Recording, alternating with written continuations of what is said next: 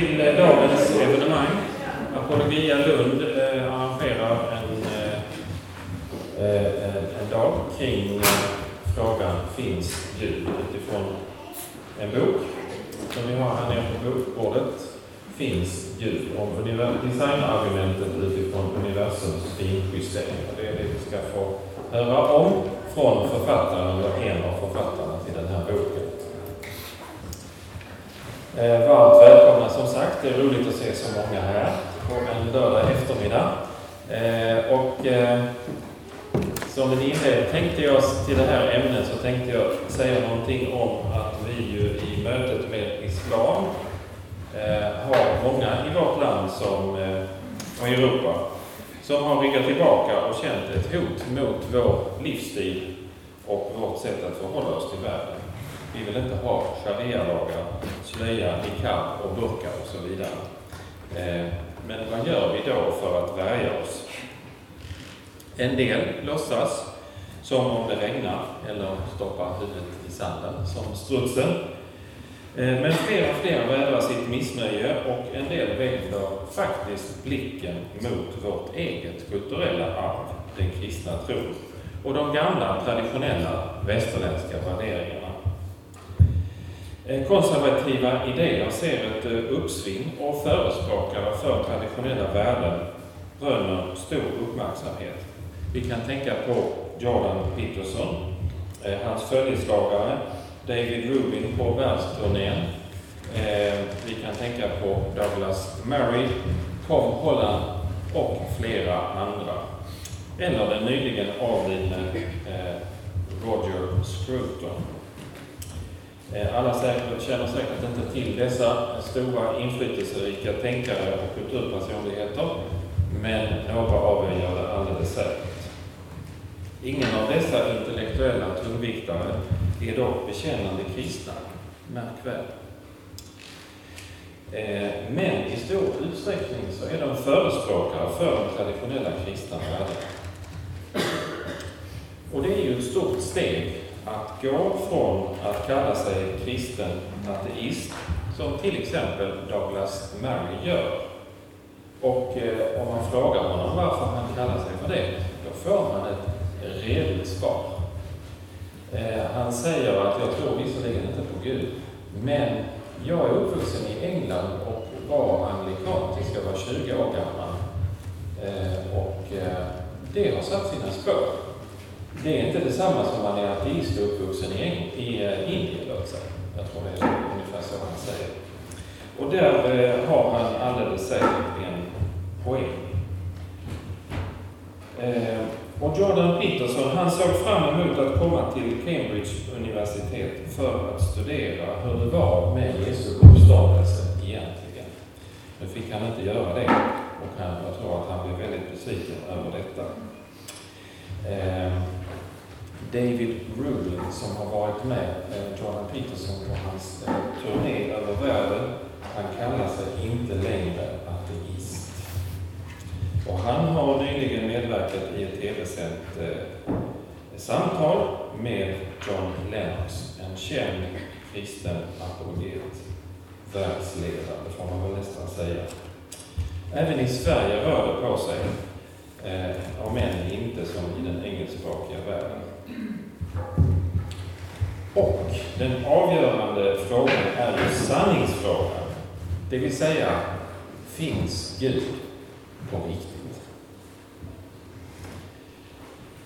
Man kan tro på den, en kulturell kristendom, men på den kristne guden kan man inte tro på om han inte finns, om vi inte tror att han finns.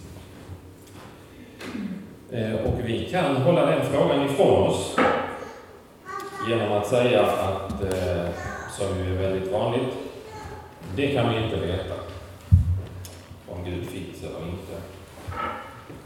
Men eh, är det så? Tänk om det är så att Gud finns. Tänk om vi skulle våga ställa den frågan på allvar. Och det tänkte vi göra idag. Och därför har vi bjudit hit Mats Elander, lärare och författare knuten till Apologia, Centrum för kristen apologetik att tala om just det ämnet. Finns Gud? Och hur debatten i den frågan ser ut idag. Välkomna! Eh, innan jag lämnar över ordet till Mats så vill jag säga någonting kort om Apologia Lund, en liten förening som eh, eh, bildades för några år sedan, 2017, tror vi. Det finns papper, men... Och vi har en verksamhet som går ut på att vi försöker ordna sådana här samlingar på lördagar. Det har vi gjort några år i lite olika apologetiska ämnen. Ett par gånger per termin eller så. Vi hade en eh, stor eh, apologiakonferens här om islam för eh, ett och ett halvt år sedan. Eh, och utöver den verksamheten så har vi ett par bokcirklar som eh, läser olika böcker i apologetiska ämnen. Och är det så att någon av er vill hänga på eller starta en egen bokcirkel och knyta er till eh, vårt lilla eh, gäng eller eh, sammanhang så får ni eh, prata med eh, oss som märks här lite grann i kulisserna. Eller, eh, jag heter Peter Henriksson och eh, ni kan prata med mig men ni kan också prata med flera andra här. Eh, det går också att eh, bli medlem i Apologia Lund om ni är intresserade av det.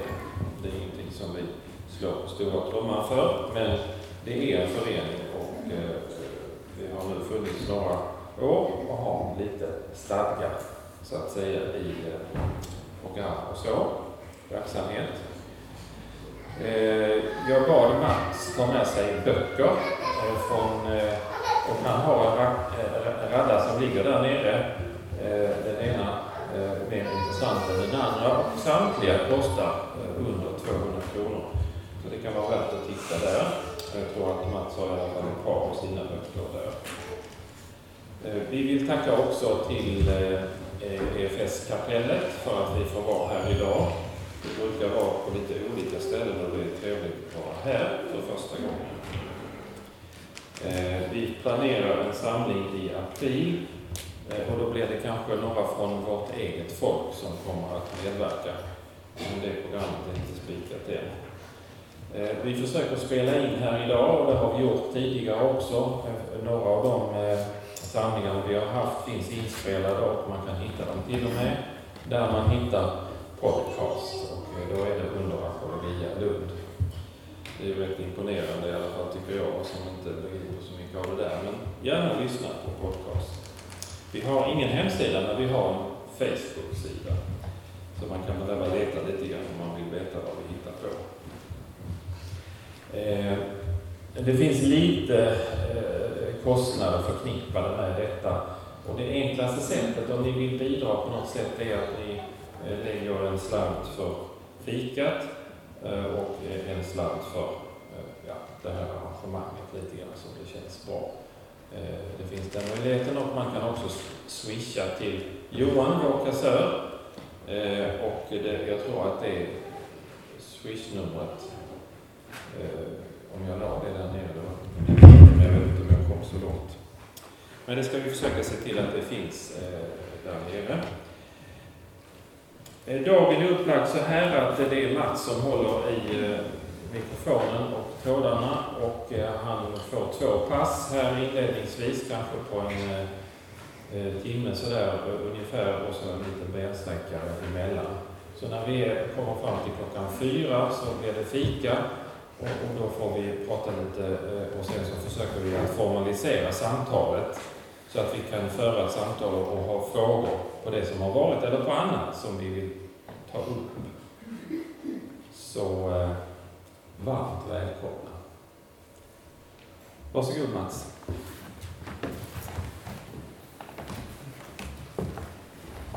Ja, ska vi se här. Det hörs, det hörs bra.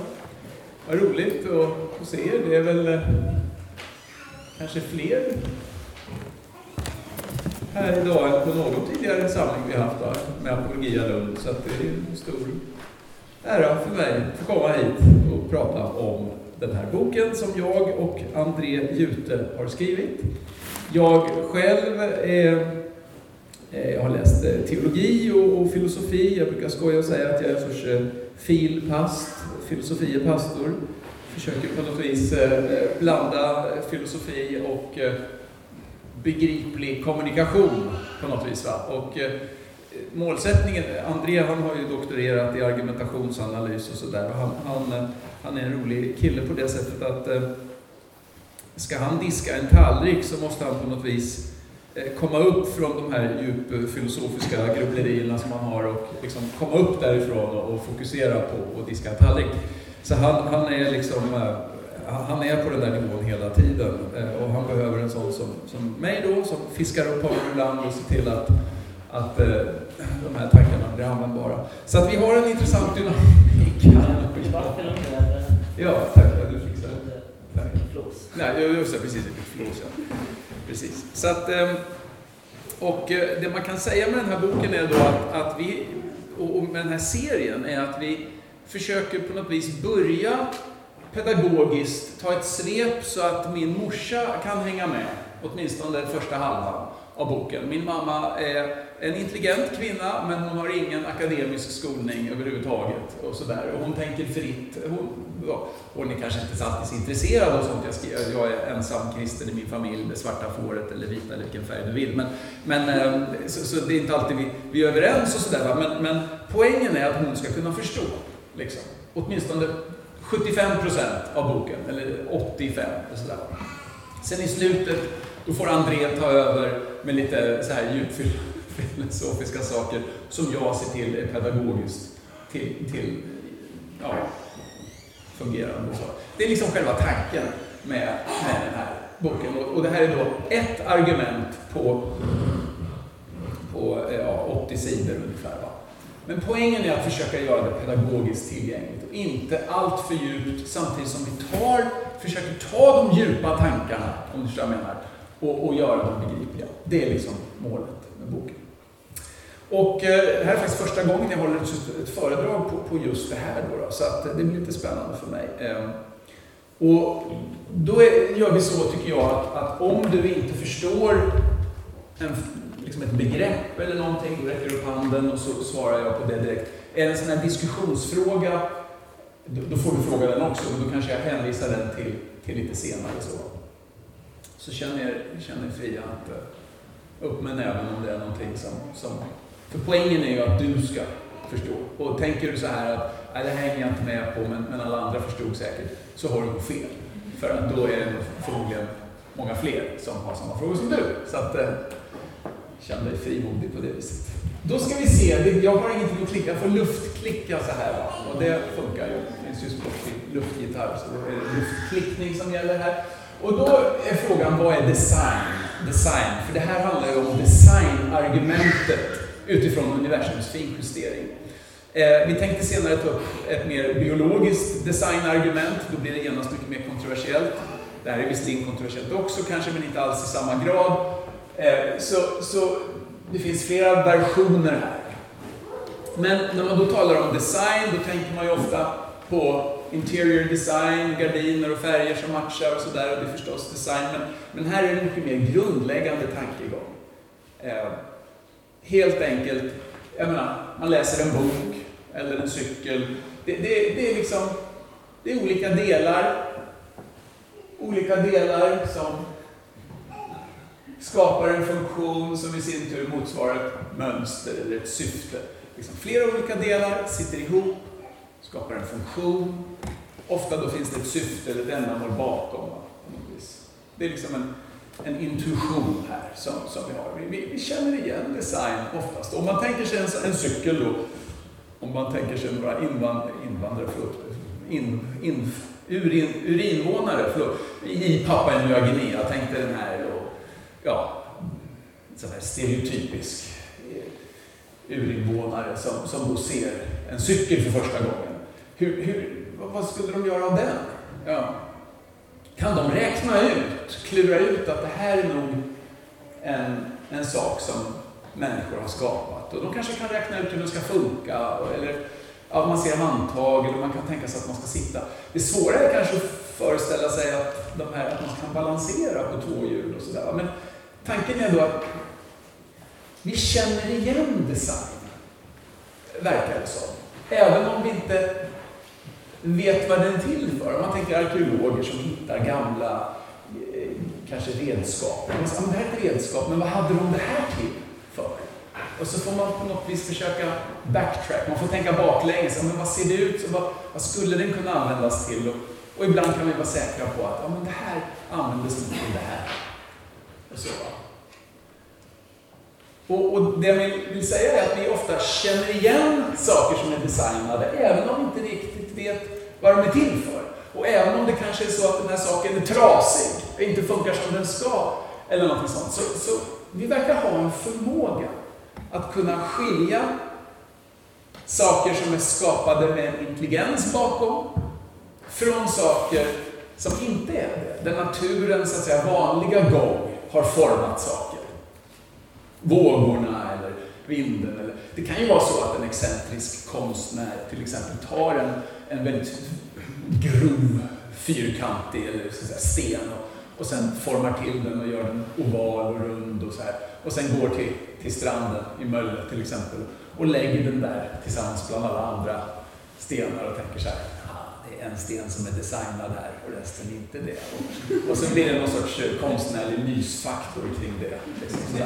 Så, sånt kan man ju hålla på med. Eh, Eh, och, då går det ju inte att skilja den designade saken från icke-designade saker. Så det är inte alltid så att vi klarar av att skilja dem åt. Förstår du vad jag menar? Det, det, så kan det vara. Men ofta är det så att vi, vi känner igen, ja men det här är ju gjort. Det här är ju skapat eller designformat. Så, någonting, nu hann jag inte med den där sista där. Något är designat när det är avsiktligt sammanfogat för att uppfylla en funktion eller ett ändamål. Och, och, och det, här, det här är också lurigt för det finns en del designade saker som man kan räkna på matematiskt. Hur pass komplext är det? Och så finns det saker som det inte går att räkna på överhuvudtaget. Jag menar ett konst, en skulptur eller något sånt där. Jag menar, det, hur i all hur stor är sannolikheten att den här skulpturen skulle kommit till och få den här formen av rent naturliga faktorer, så att säga. Alltså det går... Det är för... Det är för... Ja, det går, hur räknar man på det? Det går inte. Men om du tar en bok till exempel, eller bara en mening, och tar de olika bokstäverna och så tänker du då att det är någon sorts urvalsprocess då, som väljer en, ett av 29 tecken eller sånt där ja då har du en chans på 29 gånger varann och sådär. Då kan man börja räkna på det. Så ibland går det att räkna på designade saker. Hur pass komplexa är de? Och ibland går det inte. Men, men poängen här är väl att vi verkar ha en förmåga att känna igen saker som då har ett sådant mönster som är typiskt för intelligenta orsaker. Är ni med på tanken? Kontra sånt som inte, åtminstone inte på ett direkt sätt, är orsakat eh, av, av intelligenta orsaker. Sånt som är format av naturen eller icke-tänkande, icke-intelligenta orsaker. Så den här förmågan, och det här är ju en förmåga som används i discipliner som finns redan. Jag menar, arkeologin handlar om att du hittar något, en flintasten som ser ut som en pilspets, då finns det en form och tanken är då den att det här är en form som är så pass så att säga, ovanlig i naturen att det är rimligare att tro att det var en stenåldersmänniska som formade den här. Eh, när du tittar på pilspetsar i sådana här montrar på, på, på museer så, så bygger det på att de som har plockat ut dem där och lagt dem där har förmågan att kunna skilja ut designade saker från icke-designade saker. De tog inte vilken sten som helst, utan de tog en sten som de var tillräckligt säkra på.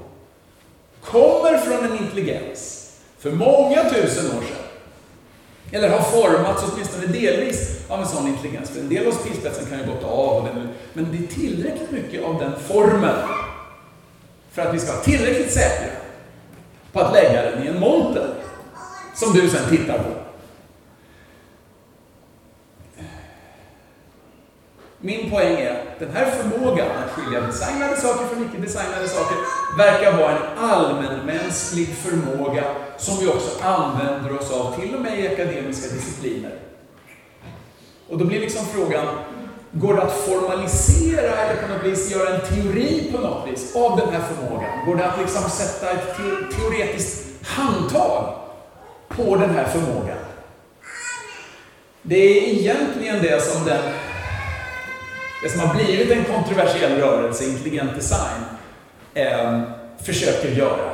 Och sen då tillämpar inom biologin eller inom, inom astrofysiken och så. Nåväl, vi fortsätter här.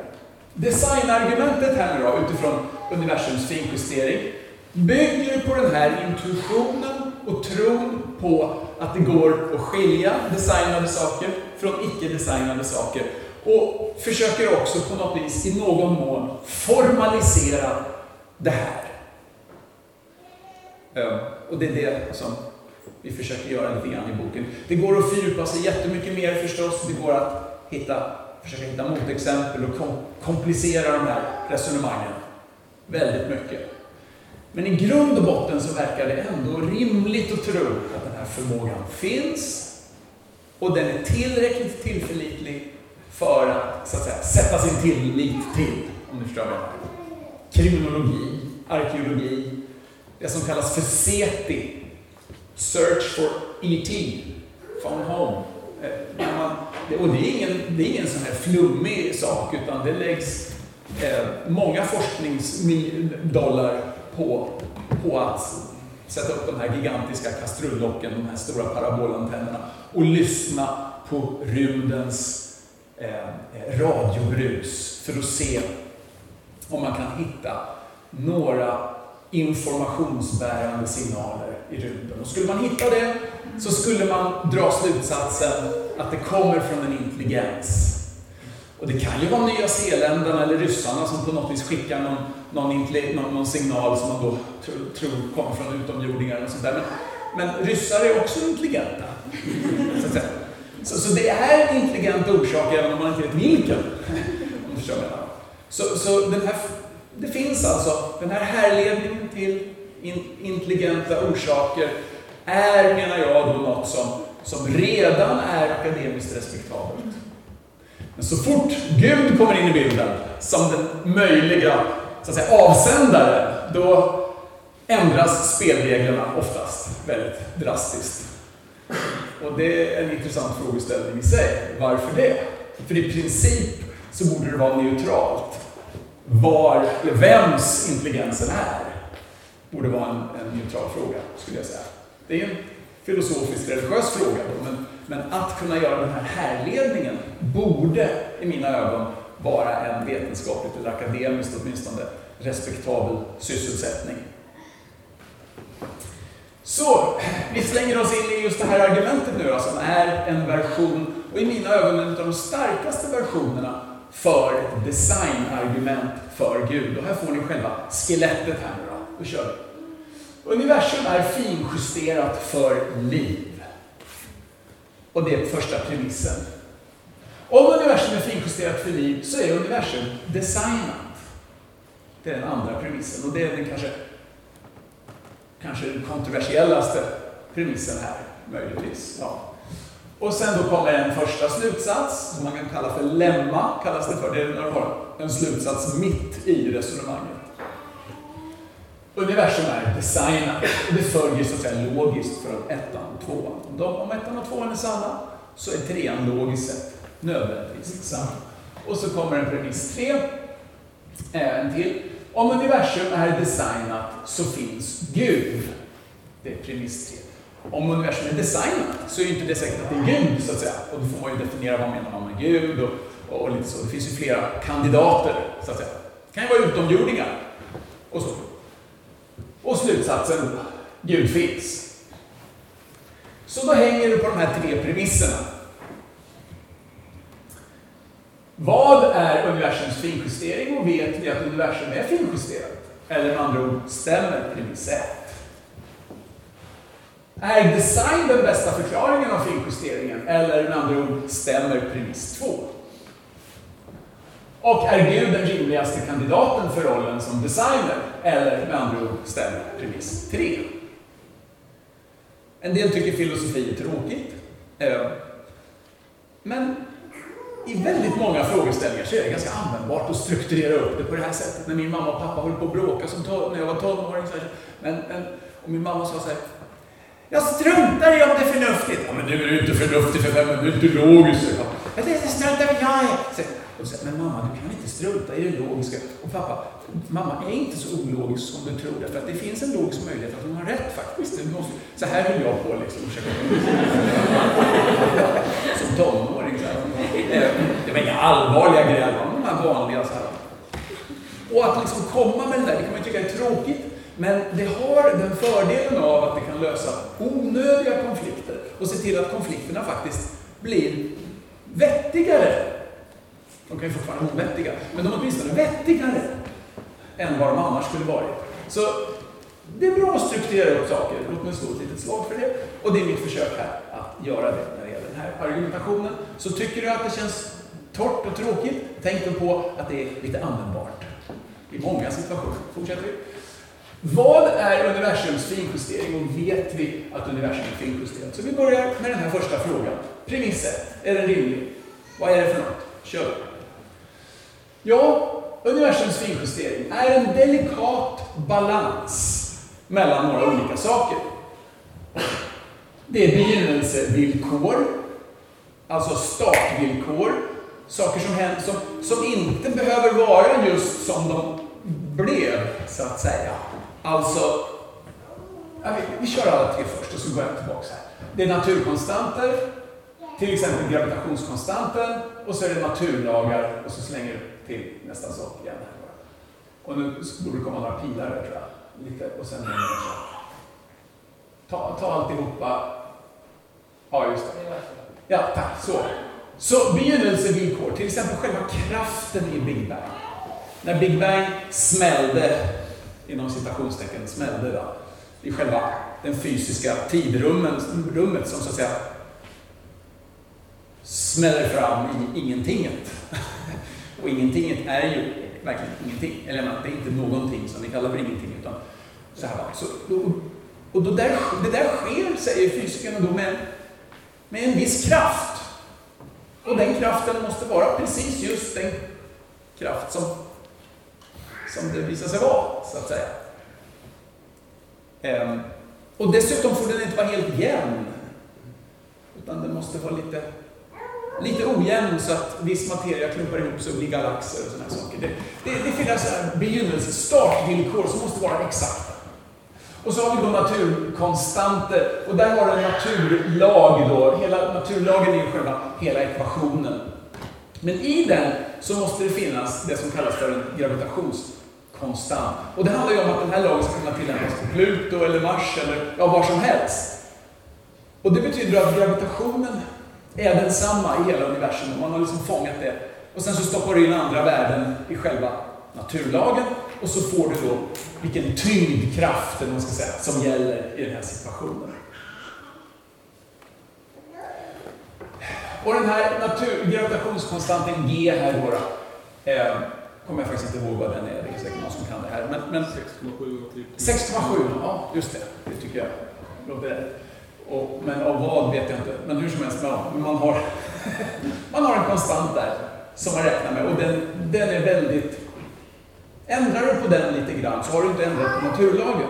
Utan du har ändrat på en konstant i naturlagen. Och ändrar du på den lite grann så utifrån teoretiska modeller så visar det sig då att ja, då är det väldigt mycket i vår fysiska värld som bryter samman, som inte längre funkar, som inte kanske ens finns.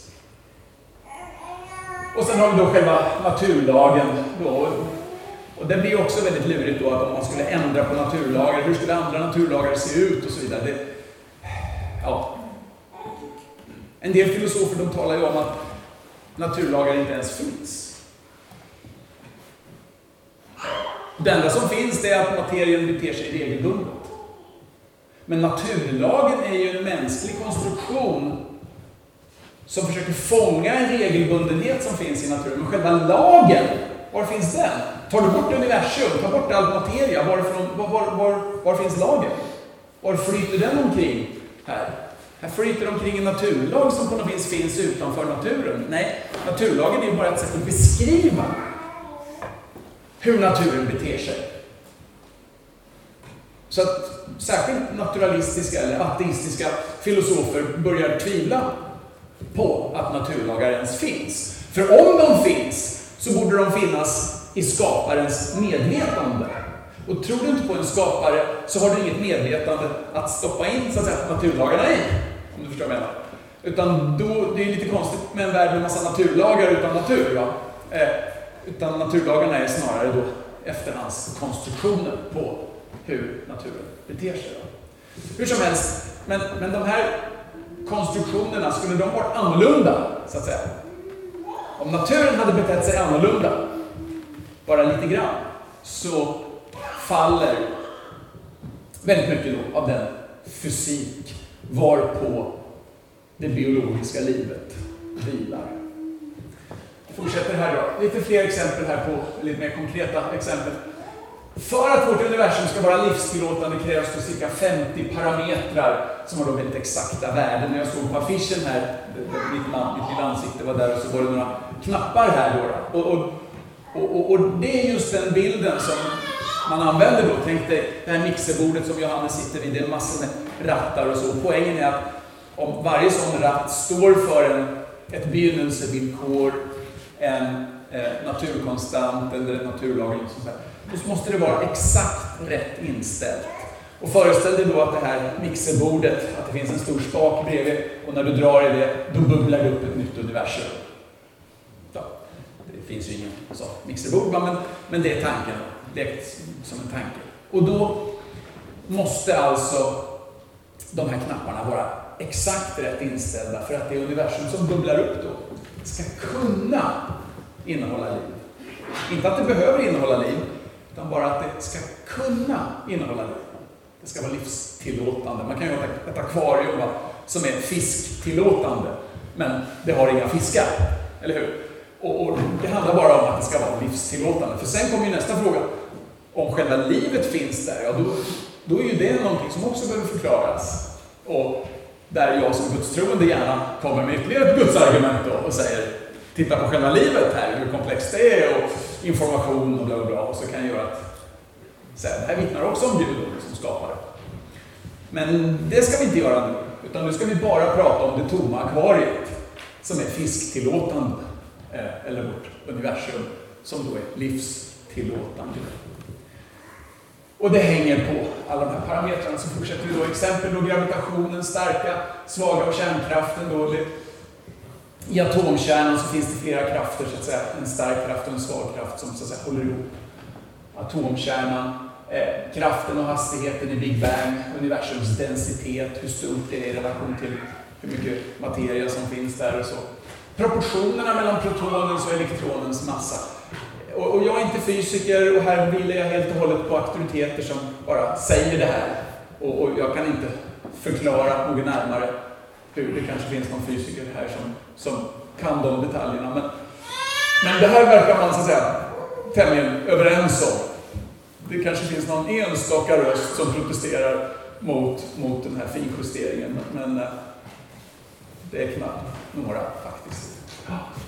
Här kommer ett exempel. Det här är eh, PCW Davis, professor i fysik, han säger om gravitationen eller den svaga kärnkraften var svagare eller starkare med en på 10 upphöjt till 100 så skulle liv inte kunna finnas. I The Anthropic Principle in Particle and Nuclear Physics säger han det. Kör vi nästa. Här har vi då eh, Stephen Hawkins. Ja. ja, tack. Om universum expanderat med en hundratusen miljoner miljontedel långsammare eller snabbare en sekund efter Big Bang så hade universum antingen kollapsat för länge sedan eller så hade galaxer inte funnits. Och finns det inga galaxer så finns det ju inga solar och då finns det inga planeter och då finns det ingenstans som liv kan sätta fötterna på så att säga. Så att galaxer är en nödvändig förutsättning för liv. Dessutom är det så att i, i, i de här stora stjärnorna så, så skapas just vissa grundämnen som annars inte skulle komma till och som vi behöver för liv. Tyngre grundämnen och så. Eh, ja, då fortsätter vi här. Eh, John Leslie filosof med inriktning på kosmologi som betraktas som en auktoritet av alla jag läser i alla fall. Eh, vad som enligt min mening är imponerande är inte någon enskild förekomst av finjusteringen utan snarare den stora mängd förekomster som verkar rimliga och hur det därför blir orimligt att tro att varje enskild förekomst är felaktig. Så det handlar inte om att liksom, det finns många oberoende instanser av, så att säga, ja, men här verkar universum finjusterat för liv på det här sättet och här verkar universum finjusterat på, på det där sättet. Och, och det är inte som så att Ändrar du bara på en så faller alltihopa. Förstår ni? Flera oberoende instanser eller exempel på universums finjustering. Då kan man fråga sig, varför kan man inte tänka sig att någon naturlag kan förklara det? Eh, John Lennox, som, som eh, Peter nämnde inledningsvis, han, han eh, säger så här. Men de lagar som vi upptäcker kan ju inte själva orsaka någonting. Gravitationslagen kan förvisso beskriva en biljardbollsrörelse, men det är, inte, men det är biljardspelarens kö som sätter bollen i rörelse, inte lagarna. Lagarna hjälper oss att förutsäga dess bollbana förutsatt att ingenting stör utifrån. Men själva lagarna kan inte sätta bollen i rörelse, än mindre skapa själva bollen. Så att det blir ju lite sådär att, ja, om någon kastar en boll till mig, vem är det? Det är inte gravitationslagen som kastar bollen, utan det är ju Kalle som jag spelar brännboll med. Alltså det, det, gravitationslagen gör ingenting, så att säga. Ja, men vadå? Jorden snurrar kring solen och så. Jo, men det är ju solens dragningskraft som gör det. Utan solen så hade inte... Ja, och så vidare. Så att själva lagen sysslar inte med att göra någonting. På det sättet är naturlagar parallella med abstrakta objekt. Alltså abstrakta objekt som talet 3, till exempel. Talet 3, vad är talet 3 för någonting? Det har filosofer funderat på. Finns det ens? Om det inte finns så kan vi räkna med det. Hur kan vi räkna så exakt med det? och så vidare. Det, på något vis måste väl talet 3 finnas. Men det är ju inte som så att man undrar sig, var är min plånbok? Ja, det är talet 3 som har tagit den. Utan den liksom gör, tal gör ingenting. De hittar inte på saker. De går omkring och gör grejer. Och så. De finns på något väldigt konstigt sätt. Men inte på det där vanliga sättet. Och framförallt så orsakar de inte saker. Samma sak tycks det med naturlagar. De, de orsakar ingenting i sig själva. Och då vore det väldigt konstigt att säga att universums finjustering är orsakat av naturlagen, eller någon kanske övergripande naturlag som på något vis har gjort det här. Då är det en väldigt udda naturlag. En helt unik naturlag, som i motsats till alla andra naturlagar faktiskt gör någonting. Och den naturlagen blir så skrämmande lik en gud så att man nästan kan kalla det för det. För att den där naturlagen gör någonting som inga andra naturlagar gör, nämligen orsakar universum håller på. Så att, eh, eh, ja, det är inte rimligt att tillskriva det här en naturlag, givet att vi talar om naturlagar som man brukar göra. Slumpen då, hur ska vi säga om den?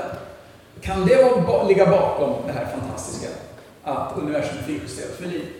Vad är chansen? Nu ska vi prata om Charlies Casino här och det är vårt sätt att försöka på något vis eh, illustrera kraften eh, i, i den här argumentationen. Vi får se om det lyckas. Föreställ dig att du har en gammal kanske klasskompis eller vän så från kanske 20 år tillbaka. Han flyttade till USA, han gjorde karriär i Las Vegas och startade ett kasino. När du fyller 30 eller 40 eller 50, vilken siffra du vill, så blir du inbjuden av Charlie till att fira din födelsedag där och, och han betalar och alltihopa. Och då tänker jag, det kan vara kul att träffa honom igen. Så du åker över och, och, och så säger han så här, nu ska jag visa dig ett kasino. Så de går runt, går runt där och så säger han så här, ja, det är ju din födelsedag idag, säger han så här. Nu ska vi titta på vad det blir för, för, eh, för nummer här på det här roulettbordet. Så då står ni och tittar på ett roulettbord och så snurrar det och kulan och så här. Och så blir det den första siffran i ditt tiosiffriga personnummer. Och så går ni till nästa bord, eller ni kan för övrigt stå kvar, det spelar ingen roll vart ni tar vägen. Men nästa boll, eller roulettbord som ni tittar på, ja då blir det nästa siffra i ditt tio person, eh, tio siffriga personnummer och så håller du på så när, när ni har tittat på tio roulettbord, då har du precis, då har han precis, bollarna har precis prickat in ditt personnummer. Nu ska man ha 19 först om man född på 60-talet, 1900 så här, men, men vi struntar i de där två första. Så 10 siffriga personnummer fångas av 10 stycken roulettbord, låt oss säga det. Och då tänker du så här, wow, jag borde inte tackat ja till den här inbjudan. För Charlie, han har blivit gangster. Han har hittat ett sätt att manipulera roulettborden på och han tjänar storkovan på grund av detta fuskspeleri. Och jag vill egentligen inte ha med honom att göra. Ah, hur ska jag kunna ta första bästa flyg hem? Tänker du. Förhoppningsvis tänker du så. Annars så kommer en moralisk aspekt in i det här. Hur som helst. Så, men låt oss säga, han svarar då så här, men vadå? Något måste det ju bli. Och ja, det var väl slumpen då. Och efter lite argumentation så tänker du så här, ja, ja, ja. Du har inte varit på den här föreläsningen, så du tänker, ja, så du, du köper det där och tänker, ja, ja, men vi tar ett varv till, säger han. Och samma sak händer en gång till. Och en gång till. Så tre gånger. Men vi, nu föregriper jag. Vi säger en gång, en gång, så ska vi se vad det innebär. Vad är chansen att ditt tiosiffriga personnummer kommer upp på en, ett roulettebord som snurras tio gånger, eller tio olika som snurras en gång? Ja, svaret är en på cirka fem miljoner, eller en chans på ja, 4,8 biljoner ungefär. Biljoner. Det finns ju två olika system. Jag kommer inte ihåg vilket jag tittade på. Det finns ett eh, europeiskt och ett amerikanskt system när det gäller biljoner och biljarder. Min lillebror han spelade biljard en gång och körde en, en sån här helt otrolig, så här, bollen, ja, eller kulan, så att det var flera. Så. Och då frågade en kompis så här, hur stor är den chansen? Och min lillebror säger, ja, en på biljarden förstås. Så, Jag tror det- jag tror det är en biljon är en triljon på engelska. Ja, jag kom, det där är bara att kolla upp på Wikipedia.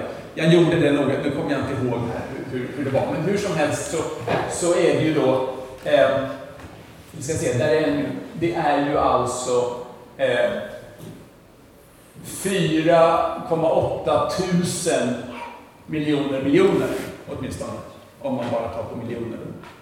Det, hur som helst, eh, det är denna ofantligt lilla sannolikhet i kombination med matchningen till ett redan känt siffersekvens som gör slump till en dålig förklaring och design till en bra förklaring. Det är den här kombinationen, är ni med? Du har ditt personnummer med dig, så att säga, in i den här situationen som en, en målbild. Va?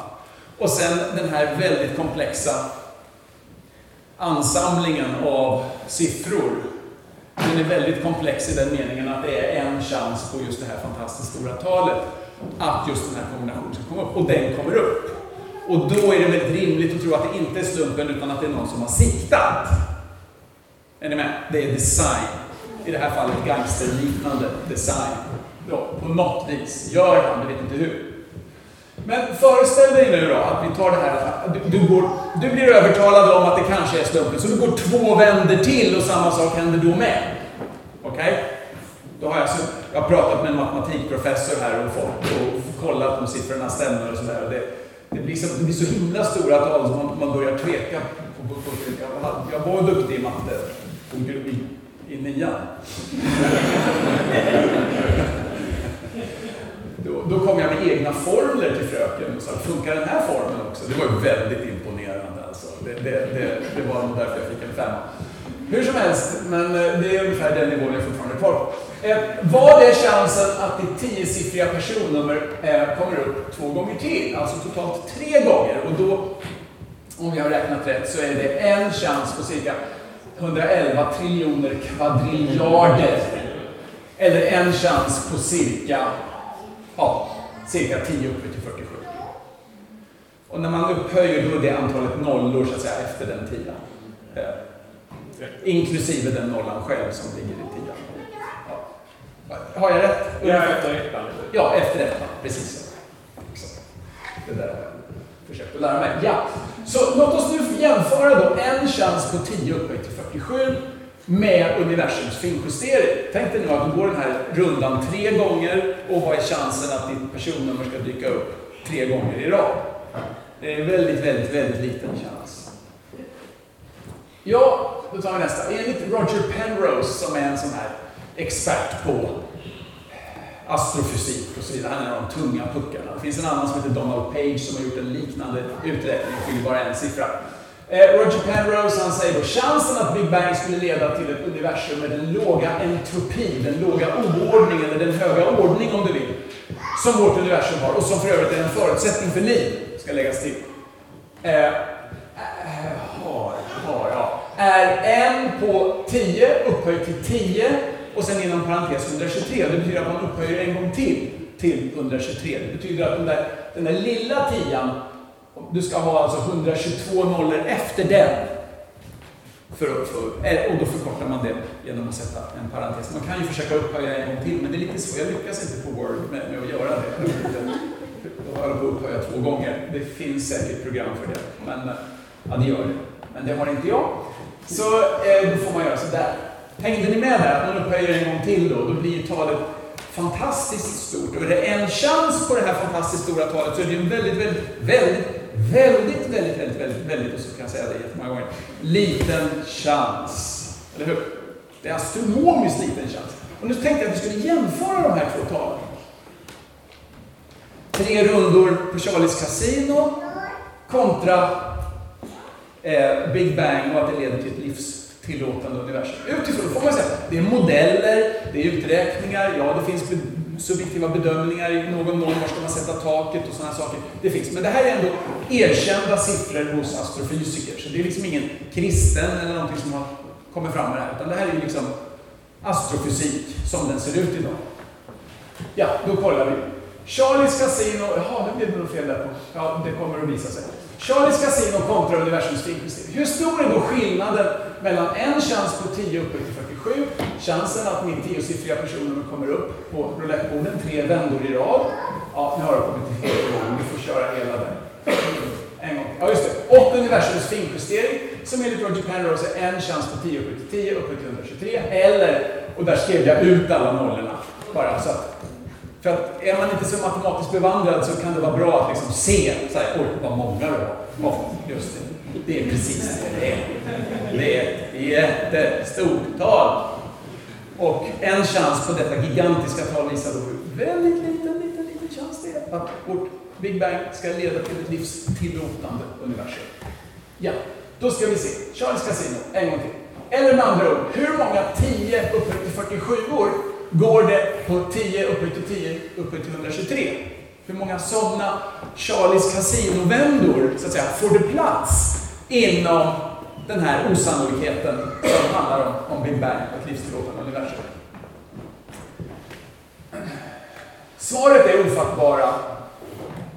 Ja.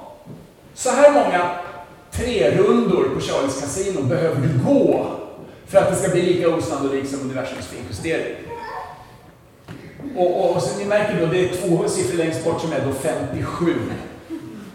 Eh, och det är det här 10 upphöjt till 40. Ja, eller vänta nu. Ska det vara... Det Du tror det stämmer? Herregud, vad snabb du var på huvudet. Ja, men det är ju alltså... 40. Ja, exakt. Och så är det 21 stycken, eh, 121 stycken nior där. Ja.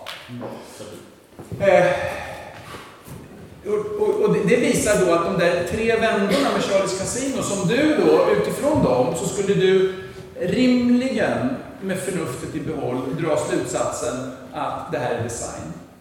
Om du då jämför den situationen där du är säker på att det är design med de teoretiska uträkningarna på Big Bangs, så att säga, hur osannolikt det är att Big Bang ska leda till ett livstillåtande universum, så ser du att det är väldigt stor skillnad.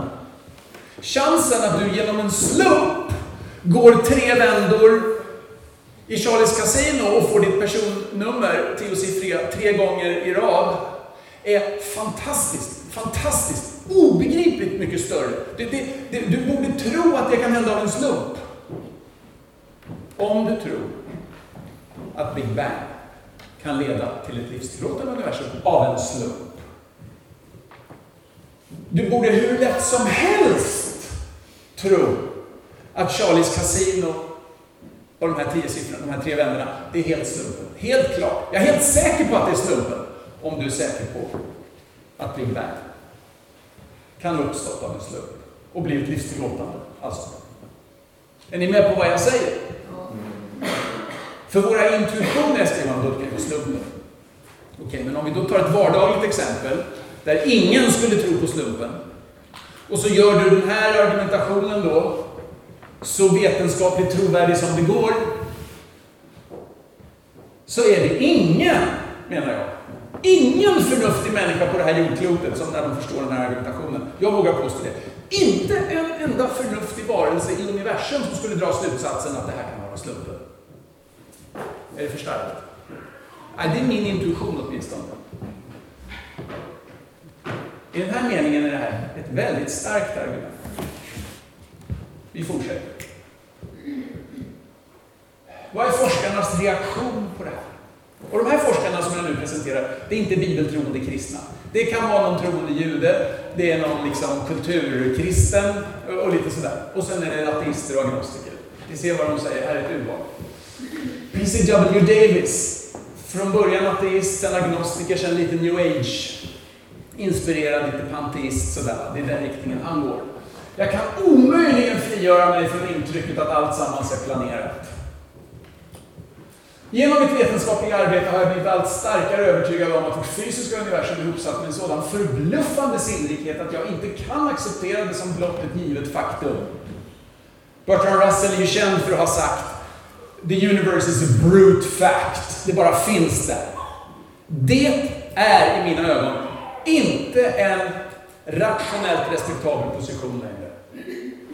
Du kan inte med förnuftet i behåll säga att universum bara är a brute fact. Ja, du kan, ja, det kanske du kan. Alltså, men I ljuset av det här menar jag att man inte kan det. Så långt jag kan förstå åtminstone. Får jag tillägga. Ja. Astrofysiken Fred Hoyle, han är ju känd för den här tornadon som sveper igenom ett skrotupplag och, och när den har lämnat så står en Boeing 747 där. Liksom, det, är så, det är så med Big Bang, ungefär. Jag, jag brukar ta en annan bild. Tänk dig att du lägger en massa stor, fina stolar och fina bord och, och dukar och sen massa fint porslin och, och, och massa eh, fina glas och bestick och alltihopa i en hög då, utan att man går sönder så här. Och sen, och sen lägger du eller under, först så lägger du massa dynamit, jättemycket dynamit. Och sen ovanpå det så lägger du de där grejerna, så här, placerar ut och sen så smäller du av alltihopa och så Och sen när röken har skingrat sig så har du en Nobelbelysning där. Det är Big Bang. Det är Big Bang. Det är ingen vanlig smäll, om man säger så. Utan den har inbakat i sig en ordning som är helt fenomenal, tycks det. Det är vad vetenskapen faktiskt säger oss så långt vi kan tro på det. Och astrofysikern Fred Hoyle, som om jag inte förstått det fel, gick från ateism till agnosticism. Alltså Gud finns inte till kanske Gud finns, kanske inte. Jag vet inte vad jag ska tro. Han säger en tolkning av fakta byggd på sunda förnuftet ger vid handen att ett superintellekt har trixat med fysiken. A superintelligence has monkeyed with physics, säger han. Freeman Dyson som inte betraktar sig som, som en troende kristen utan kulturellt kristen. Han gillar att gå till kyrkan men han tror inte på grejerna direkt. Va? Eh, en hållning som jag som före detta ateist tycker är jättekonstig för så kul är det inte. Tycker inte jag. Ja. När vi skådar ut i universum och identifierar de många fysikaliskt astronomiska tillfälligheter som samverkat till vår fördel, verkar det nästan som om universum på något sätt måste ha vetat att vi skulle komma. Säger han. Arno Penzias, eh, troende jude, eh, tror jag, jag vet, jag tror inte han är kristen i alla fall. Astronomin leder fram till en unik händelse, ett universum som skapades ur intet ett universum med den mycket känsliga balans som behövdes för att ge just de betingelser som krävdes för att medge liv. Ett universum som har en bakomliggande, man skulle faktiskt kunna säga övernaturlig, det är hans egen parentes, plan. Nobelpristagare, det betyder inte att han har rätt, men är man Nobelpristagare så har man någonting mellan öronen och är värd att lyssna på, tänker jag. Sådär. Det kanske är en kulturell fördom, jag vet inte. Men ja, det är väl vettigt va? Robert Jastrow, ateist, han är väldigt ärlig med att det här är jobbigt för honom som ateist, för han vill inte tro på det här. Ändå har han det här väldigt roliga, de här två roliga citaten, det andra är roligare än det första. Det första är, Detta är det mest kraftfulla bevis för Guds existens som någonsin kommit från vetenskapen. Och då handlar det just om det här universums finjustering. Och sen säger han det här, det här är det roligaste citatet som jag känner till eh, kring den här frågan. För den vetenskapsman som levt i tron på förnuftet, och här förutsätter han ett naturalistiskt eller ateistiskt, eller vad man ska säga, förnuft. Va? Eh, slutar berättelsen som en hemsk dröm. Han har klättrat upp för kunskapens berg och ska upp på den högsta toppen och när han hivar sig över den sista klippan så hälsas han av ett gäng teologer som har suttit där i århundraden. Och fikat, för det är det vi har gjort. De har suttit där och fikat på det. Och det här är väldigt roligt, det kommer från en ateist va?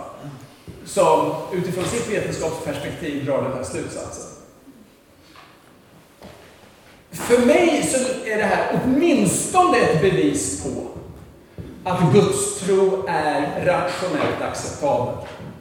Även utifrån ett vetenskapligt perspektiv. Det är åtminstone för mig en väldigt rimlig slutsats. Vi kan ju diskutera det under ja ja, just det. Och nu tänkte jag då gå in på invändningar. Men nu, har det kanske, nu kanske det är lagom att eh, ta en liten bensträckare, eller vad säger ni? Ja, jag vet inte hur länge jag har på. Ja, men det är ju en timme jag har på, så att, eh, ja, du är på också. Ja. Så att eh, vi tar en liten bensträckare och när sätter vi oss igen? Om 5-10 minuter. 5-10 minuter. Vi ska fortsätta, ja. När, när du vill fortsätta så... Nej, jag vill fortsätta. Okej. Ja, men jag vill ju fortsätta. Jag har alltid på. Så att, eh, nu tar vi 5-10 minuter och eh, går på toaletten eller tar lite luft eller så. Så fortsätter vi snart.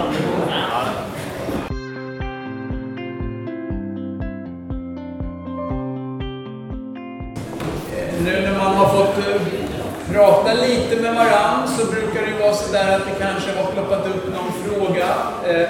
Och eh, som sagt, är det en lång diskussionsfråga så kanske jag puttar fram den till, till längre fram. Men samtidigt vill jag ge en möjlighet här. Är det någon som, på det som har blivit sagt hittills, tänker jag, men det här då? Eller är det någon som eh, vill eh,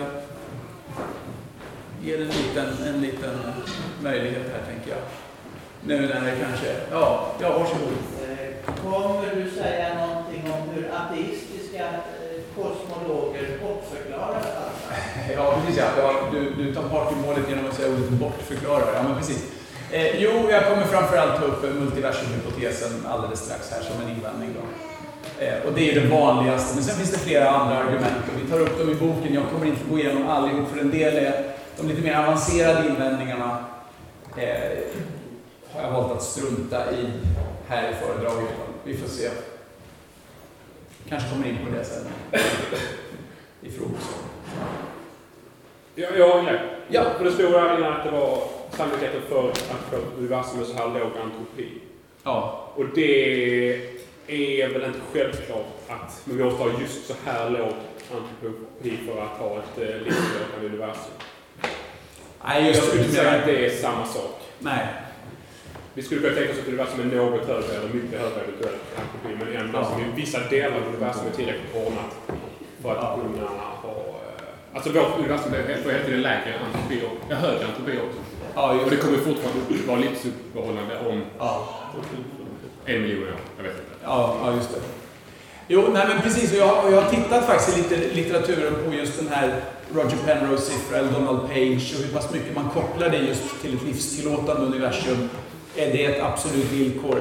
Man skulle kunna tänka sig att entropin är lägre till och med. Eh, Och att det kan vara livstillåtande. Ja, ja. Ja. Det är väl. Eh. Det var ju lägre. Liksom. Eh, ja, ja men precis ja. Så att, men, men frågan är ju då, de skillnaderna är kanske... Ja, men så man kan blanda på begreppen. Nej, ja men precis ja. Det, det är rätt. Och sen också det här med att man tar fram sådana siffror då på sannolikheterna. Alltså det är en sak att göra med ett roulettbord. Där vi Ja. förstår mekanismen Ja. fullt ut. Vi vet vad de, alla de möjliga utfallen är. Och vi kan dessutom vänta oss att de ska ha en eh, samma sannolikhet för varje utfall. Liksom. Ja, just det. Att eh, fördelningen där är helt platt. Ja.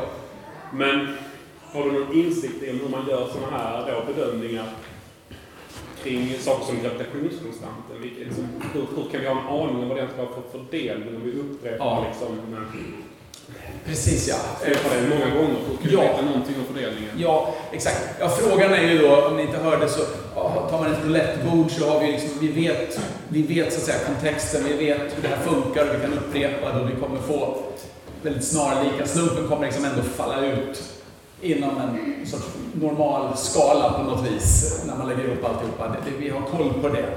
På vilket sätt kan vi vara säkra på att den här uträkningen som Roger Penrose har gjort till exempel, hur, hur pass säker kan vi eller hur gör man ens sådana Ja, uträkningar? snarare. Ja. Alltså osäkerheten är enorm. Så Ja, den är ju, så är det. Har vi rätt på storleksordningen på storleksordningen så får vi vara, alltså då är det imponerande.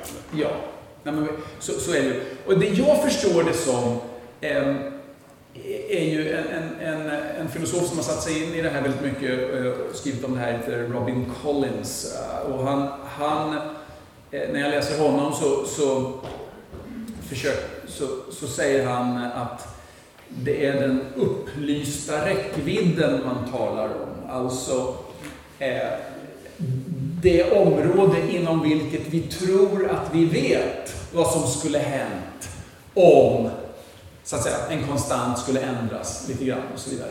Nå, alltså, det, det är någon form av, och det är, måste man göra en sorts bedömning, exakt hur de experimenten och uträkningarna ser ut, det, vet inte jag. Det får jag erkänna, det vet jag inte.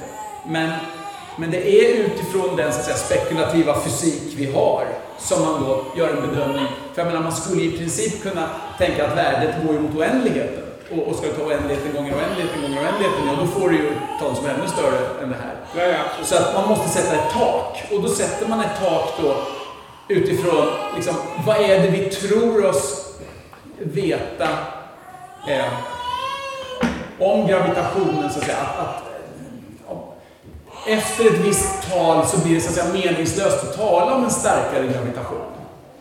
Eh, utifrån andra parametrar. va.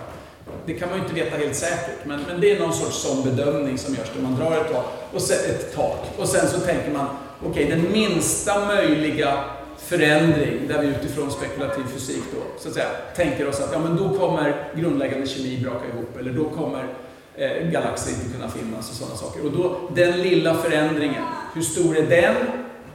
Och hur många sådana små förändringar får plats inom det taket ner till noll? Och så tar du det, gör du det för, för eh, eh, sak efter sak och tar det gånger varann. Så, så har jag förstått att man gör, men jag har letat efter beskrivningar på hur det här går till. Och de är inte lätta att hitta kan jag säga. Utan det här är, det här är min... Utifrån det jag läser så drar jag den här slutsatsen. Mm. Men jag, jag, jag, får, jag har frågat fysiker, hur går det här till? Liksom. Jag, Jag vet inte, det är bara att vara fys- fysiker. Alltså man måste ju vara... Man måste vara mitt i det för att man ska förstå det i så fall. Jo, men jag tänker mig att de borde kunna anstränga sig för att ge någon form av analogi, någon form av hjälp för oss Mm. lekmän att kunna förstå hur de, hur de kommer fram till det här. Men visst, i vilket fall som helst måste man lita på experternas auktoritet och på något vis låta dem korrigera varandra och ändå tro på att ja, så här ser läget ut i forskningen idag, ungefär. Eh, Eller vad, vad tänker du då? Ja, det, det, är- jag vissa läser läge, men det är det de forskar på. Alltså även om man tar fram en sån här siffra så det är ju någonting man gör i så fall. Det är ju inte ens forskning. Nej, nej. Men det är ju någonting man gör i så fall. Ja, det är vid sidan av. Ja, men precis. Det är inte så säkert att det är, jag vet inte om det är det peer review på samma sätt liksom. Är det, går det igenom samma sorts granskning som det som är faktiskt är ens forskning? Det har jag inte kollat. Men, men Donald Page, Roger Penrose är de två. Och det är ju tunga puckar och de kommer med de här siffrorna. Jag har inte sett någon diskussion kring de här siffrorna. Jag har inte sagt, sett någon som säger så här, nej men det där är helt orimligt eller så. Det har jag bara inte sett. Det kan ju finnas. Men, men, eh, ja, det är Victor Stenger då, men han är ju liksom en sorts ny ateistisk eh, kritiker som kritiserar allt det här. Liksom. Och, och, och, och de etablerade forskarna bryr sig inte om honom. Eh, Så, så det, är den, det är den enda kritik jag har sett och den verkar inte vettig på en fläck, den kritiken. Eh, och, och den verkar inte tas på allvar heller. Just alltså när det gäller, är universum finjusterat? Och vad består det i och hur pass osannolikt är det? Ja, något i den här storleksordningen. Men visst, det är ju modeller och det bygger på att man drar ett tak, sätter ett tak någonstans och så. Ja, vad tänker du där? Eh, jag tänkte så att Isak Newton, han eh, gjorde ju många, ja, bravader kan man kalla det, men han sa en gång att jag är som en liten pojke som då och då på stranden hittar en särskilt vacker flicka, men framför mig ligger eh, den oändliga oceanen oupptäckt. Och sen så tänker jag på Pascal, att han var ju en utomordentlig matematiker och fysiker. Han vände sig sen mer mot religionsfunderande och så vidare. Och så vidare. Sa man kommer inte till tro genom logiska resonemang. Men, nej, men visst, men jag menar det där att det är komplicerat. Det, det är ju väl inget svar på verket. Det är ju, fysiken kan ge komplicerade så det kan finnas guld eller inte. Men, ja. Jag vet inte men det, att det är finkost. Men att man kanske ändå hänvisar till Ja, nej men visst. För att upprepa om ingen hörde där bak, så, eller några inte hörde, så, så är just den här Isaac Newton låg på stranden, jag såg en snäcka och det här är den stora oceanen och det är väldigt lite jag förstår av det här. Och, och det är inte genom sådana här argument som någon kanske kommer till tro på Gud eller så. Nej, och det, det, jag håller faktiskt med helt och hållet. alltså. Ja. När man kommer till tro, man kan fundera. Ja. För mig handlar det som, som jag var ju övertygad ateist som 14-åring och jag hade övertygelsen att vetenskapen har bevisat att Gud inte finns. Och, och, och jag träffar ganska många, kanske inte jättemånga 14-åringar för de umgås inte så mycket med, men många i 20-årsåldern och kanske 30-årsåldern och till och med min egen ålder, 50-årsåldern, som fortfarande tror det. Och, och för, för mig är det liksom lite viktigt att säga, nej men vänta nu, bilden är alls inte så entydig och jag kan till och med konstruera väldigt starka argument för Guds existens utifrån det som tycks vara vetenskaplig, eh, så att säga, given kunskap.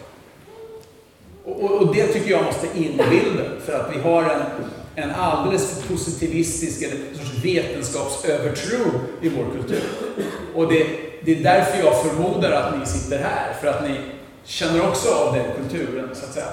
Och tänker, då är det en intressant fråga. Vetenskap, Gud, så att säga. Och observera, jag gör inte anspråk på att det här är ett vetenskapligt argument för Guds existens. Jag säger att det är ett filosofiskt argument för Guds existens som tar spjärn mot så att säga, vissa vetenskapliga påståenden. Förstår ni vad jag menar? Så, så att själva argumentet är inte vetenskapligt i sig, utan det är filosofiskt. Och, och poängen med det är ju att jag gör inte anspråk på att på samma sätt som man skakar på ett, på ett provrör och upptäcker att ja, men så här är det. Det är inte så det här går till. Om du förstår vad jag menar. Utan, eh, ja. ja, men då slänger vi oss in i, i lite invändningar här då. då. Och jag tänkte ta upp fyra invändningar. Den första är, är målbilden oberoende av utfallet? Och jag tänker förklara det lite närmare sen. Och sen då den antropiska principen som jag också tänker förklara. Och sen är designen verkligen Gud? Och ni märkte att jag struntade i den tredje premissen och då tar vi den, för själva kärnan i argumentet handlar inte om Gud utan handlar om finns det en design där eller inte. Så då lägger jag liksom till den aspekten och låter det bli en invändning. Och sen så har vi då multiversumhypotesen som är det vanligaste naturalistiska svaret på eh, det här argumentet. Ja, då kör vi här då. Är målbilden oberoende av utfallet? Och tänk dig då att man skjuter en pilbåge, tjong. Eh, och föreställ dig då att det är någon som kanske är blind eller någon som bara skjuter iväg en pil på måfå. På en, låt oss säga, stor vit vägg. Om den då träffar mitt i prick så tvivlar man i någon mån på att personen inte siktade. Man tror att men, du siktade nog i smyg eller någonting sånt. Men det kan ju vara så att det slumpmässigt träffar mitt i prick. Så kan det vara. Men, men om det händer tillräckligt många gånger och så där, då tror man till sist att ja, men det här är någon, det här, det här är någon, någon som har ja, ja genetiskt påbrå från Robin Hood eller något sånt där. Det här är någon som, som kan det här. Liksom. Och så.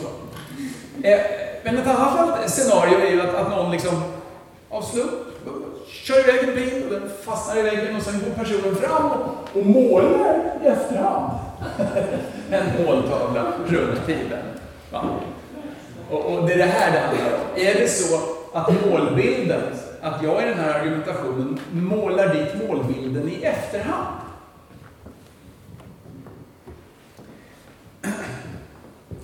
Designslutsatsen står ju på två ben.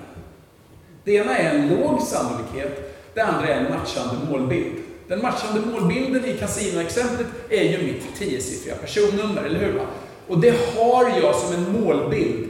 Det, och, och det, är den, det är den målbilden som, som den här slumpmässiga processen då, till synes slumpmässiga, så att säga, träffar. Och det är därför jag blir så förvånad. Ah, hur, hur kunde det bli... Ah, det, det var mitt i prick. Det är klart, då uppstår ju massa frågor. Tänk om det, det är nio siffror rätt av tio. Den sista var fel. Så här. Eller åtta siffror. Alltså det, ja, du får ju massa så här gränsfall där du liksom undrar så här, oh, jaha, var det slump då? Eller var det design? Eller var, det fusk? Eller, ja, förstår ni? Det, och det, det är väldigt svårt att avgöra när, när det blir sådär gränsfall. Kan, kan vara väldigt svårt att avgöra. Men det är inte säkert att det är svårt att avgöra. Om du har nio av tio rätt, tre gånger, alltså då tänker du så här, ja den sista, den sista liksom manipulativa liksom lilla maskinen eller radiostyrningen till kassett, den funkar inte så bra idag. Eller någonting sånt där. Det, det verkar som att ja, ja. Strunt i det så länge. Okej, så, men det, det är de här två delarna. Låg sannolikhet, hög slump så att säga, och en matchande målbild. Då tänker vi att det är någon som har siktat. Då är det design. Och då är frågan då, målbilden måste vara oberoende. Det är inte som så att du så att säga, tänker såhär, nej men jag har inget personnummer. Ja, men då får du välja ett då. Ja, men då väljer jag ett utifrån hur de här tio roulettborden faller ut. Då, då målar du dit den i efterhand. Förstår ni? Eh, är ett livstillåtande universum en oberoende målbild? Kan man fråga sig. För tänker man efter ett livstillåtande universum, utan det så hade ju vi inte funnits. För att tänka på frågan om livstillåtande universum och kosmologi och bla bla bla. Eller hur? Så det verkar ju som att hela vår existens hänger ju på den här matchningen. Och på vilket sätt är då vårt resonemang oberoende av den här matchningen? Det är ju helt beroende av den här matchningen. Och, och kan man då säga att det, det luktar ju nästan som att vi ritar dit ett livstillåtande universum i efterhand på något vis? va? För hela vår existens är beroende av att det faktiskt är fallet. Eh, är ni med? Eller, ja. ja. Tack. Är målbilden oberoende av utfallet? Och föreställ dig då, nu kommer en, en analogi då, en, en bild för att, som innehåller en sorts argumentation. Att du är på, på eh, resa i något eh, sydostasiatiskt land och sådär va. Och eh, du håller, håller inte på med knark eller någonting sådant, och har aldrig gjort det. Du är en rekorderlig eh, svensk. Så att det, det, det är ingen fara med det. Men någon har planterat en massa knark i ditt hotellrum och så kommer polisen och i det här landet är det dödsstraff på att hålla på med knark. Särskilt den kvantiteten som är planterad i ditt rum. Så att, eh, och, och då kommer polisen och tar dig och du ställs inför domstol och du ska arkebuseras. Och när du står där och, och de ska skjuta så säger pang, pang, pang. Och så märker du att du fortfarande lever. Och då tänker du så här, jaha. Och det är tio män med gevär som står, låt oss säga tio meter ifrån dig. Något sånt där. Och då tänker du så här, jaha. Ja, jag överlevde här. Ja, men det var ju inte så konstigt för att hade jag inte överlevt så hade jag inte stått här och tänkt den här tanken. Så det var ju inget att förvånas över. Eller? Nej, så skulle man inte tänka. Utan man skulle bli väldigt förvånad. Eh, om man skulle tänka så här, aha, det här, oj, det här var nog en skenavrättning. Skulle du nog tänka. Aha, de vill skrämma mig. Någon har, det, det är något fuffens här bakom kulisserna. Någon som har designat den här, det, här händelse, det här händelseförloppet. Det verkar, det verkar vara det, det förnuftiga att tänka i det läget. Va? Och då är det ju för att du tänker att det här utfallet är väldigt, väldigt osannolikt. Att tio män, då tänker man sig ju laddade gevär, potentiellt laddade gevär. Alltså syftet är ju att avrätta dig i vanliga fall. Va? Men nu, det är väldigt osannolikt att de alla missade dig. Med, av, av en slump, av en tillfällighet. Pang, oj, vi, vi, så. Det, det, nej, det här var design. För det är låg sannolikhet att de alla ska missa dig. Och det matchar ett mönster som vi kallar för skenavrättningsmönstret. Men när du drar den där slutsatsen så är ju hela din existens beroende av att du faktiskt överlevde. Att matchningen ägde rum mellan, så att säga, skenavrättningsmålbilden och det faktiska händelseförloppet. Hade inte den matchningen skett så hade du inte stått där och tänkt tanken att det var en skenavrättning. Ser du nu parallellen med Big Bang? Big Bang är en förutsättning för vår existens, ja. På samma sätt som skenavrättningen är en förutsättning för att du skulle överleva det här. Är skenavrättningsslutsatsen därmed ogrundad? Nej, den tycks grundad och förnuftig. Varför det? Du är ju trots allt beroende av utfallet, annars hade du inte stått där och tänkt och dragit den här slutsatsen. Och det jag tänker och det vi skriver i vår bok är ju då att, nu får vi, låg sannolikhet, skenavrättning som målbild. Designslutsatsen kan bara dras av en människa som överlevt, den är därför ogiltig. Nu kör vi vidare här. Målbilden måste vara epistemologiskt oberoende av det osannolika utfallet. Men designslutsatsen, eller den som drar den, behöver inte vara ontologiskt beroende, eller oberoende av målbildens uppfyllande. Det där låter ju som något så här filosofiskt eh, rappakalja kanske. Men, men poängen är den att, att ditt så att säga existensberoende av utfallet är inte det avgörande. Utan det är så att säga det kunskapsteoretiska oberoendet som är avgörande. Att, att de, här, de här två kunskapsbitarna, skenavrättning som målbild, kunskap om det, kontra kunskap om själva utfallet. Kunskapen om de två sakerna får inte vara beroende av varandra, de måste vara oberoende. Då är du berättigad till en sån slutsats. Även om hela din existens hänger på att skeendet blev som det blev. Vi, vi, vi tar en, eller, ju- just det. Hängde ni med? Blev det för komplicerat? Alltså, lite för komplicerat, ja. Jag tycker jag för, förklarar väldigt bra i boken. Ehm, Men poängen är den att vi har en massa kunskap. Vi, vi, vi upptäcker vi, upp- vi upptäcker till exempel då i Big Bang så upptäcker vi att sannolikheten, tycks det, för de här olika parametrarna är väldigt låg. Eh, och, och sätter vi ihop dem så blir det väldigt lågt. Och, och sen är kunskapen om ett livstillåtande universum, vad som krävs för det. Här är det en massa oberoende, så att säga, kunskapsbitar. Det är inte för att universum är väldigt osannolikt som det är livstillåtande. Nej, det där hjälpte inte. Poängen är din existens. Okej, Okej, vi säger så här. Vi säger så här. Här kommer bilden. Ehm, låt oss säga att du som barn upplever en skenavrättning. Och du fattar inte vad som händer. Farbröderna står där och riktar geväret och skjuter och sen händer ingenting och du fattar fortfarande inte vad som händer. Sen senare i livet så får du höra talas om skenavrättningar och så, aha, och så märker men det här har ju jag varit med om. Märker du då att målbilden, du får kunskap om den oberoende av vad som hände. Det, det är inte för att det här hände som du får den kunskapen, utan det är för att någon berättade långt senare i livet. Och det matchar det här som du var med om.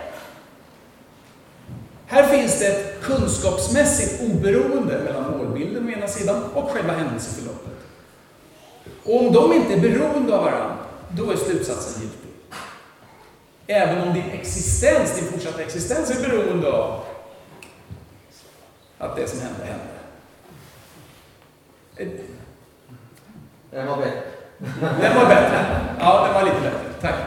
Ja, nåväl, vi fortsätter här då. Den antropiska principen, det är lite snarlikt resonemang det här som den tidigare.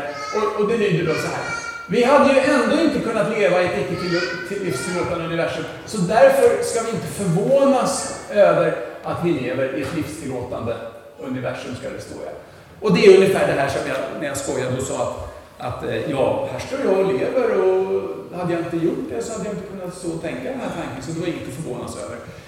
Jo, det är visst någonting att förvånas över. Därför att det är två olika sannolikheter det handlar om. Här.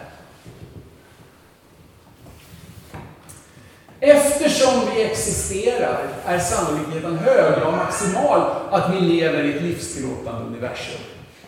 Och då kan man ju tänka sig att det finns grader på det. Alltså det, det måste vara tillräckligt livstillåtande, men det skulle kunna vara optimalt så att säga, livstillåtande. Det kan ju finnas hälften av världens befolkning som dör, eller man viss biologisk liv klarar alltså, Så det är inte optimalt livstillåtande. Det kan ju finnas grader där, men att det är tillräckligt livstillåtande, det måste det vara. Annars skulle vi inte kunna finnas där. Alltså det är bara ett livstillåtande universum som vi kan finnas.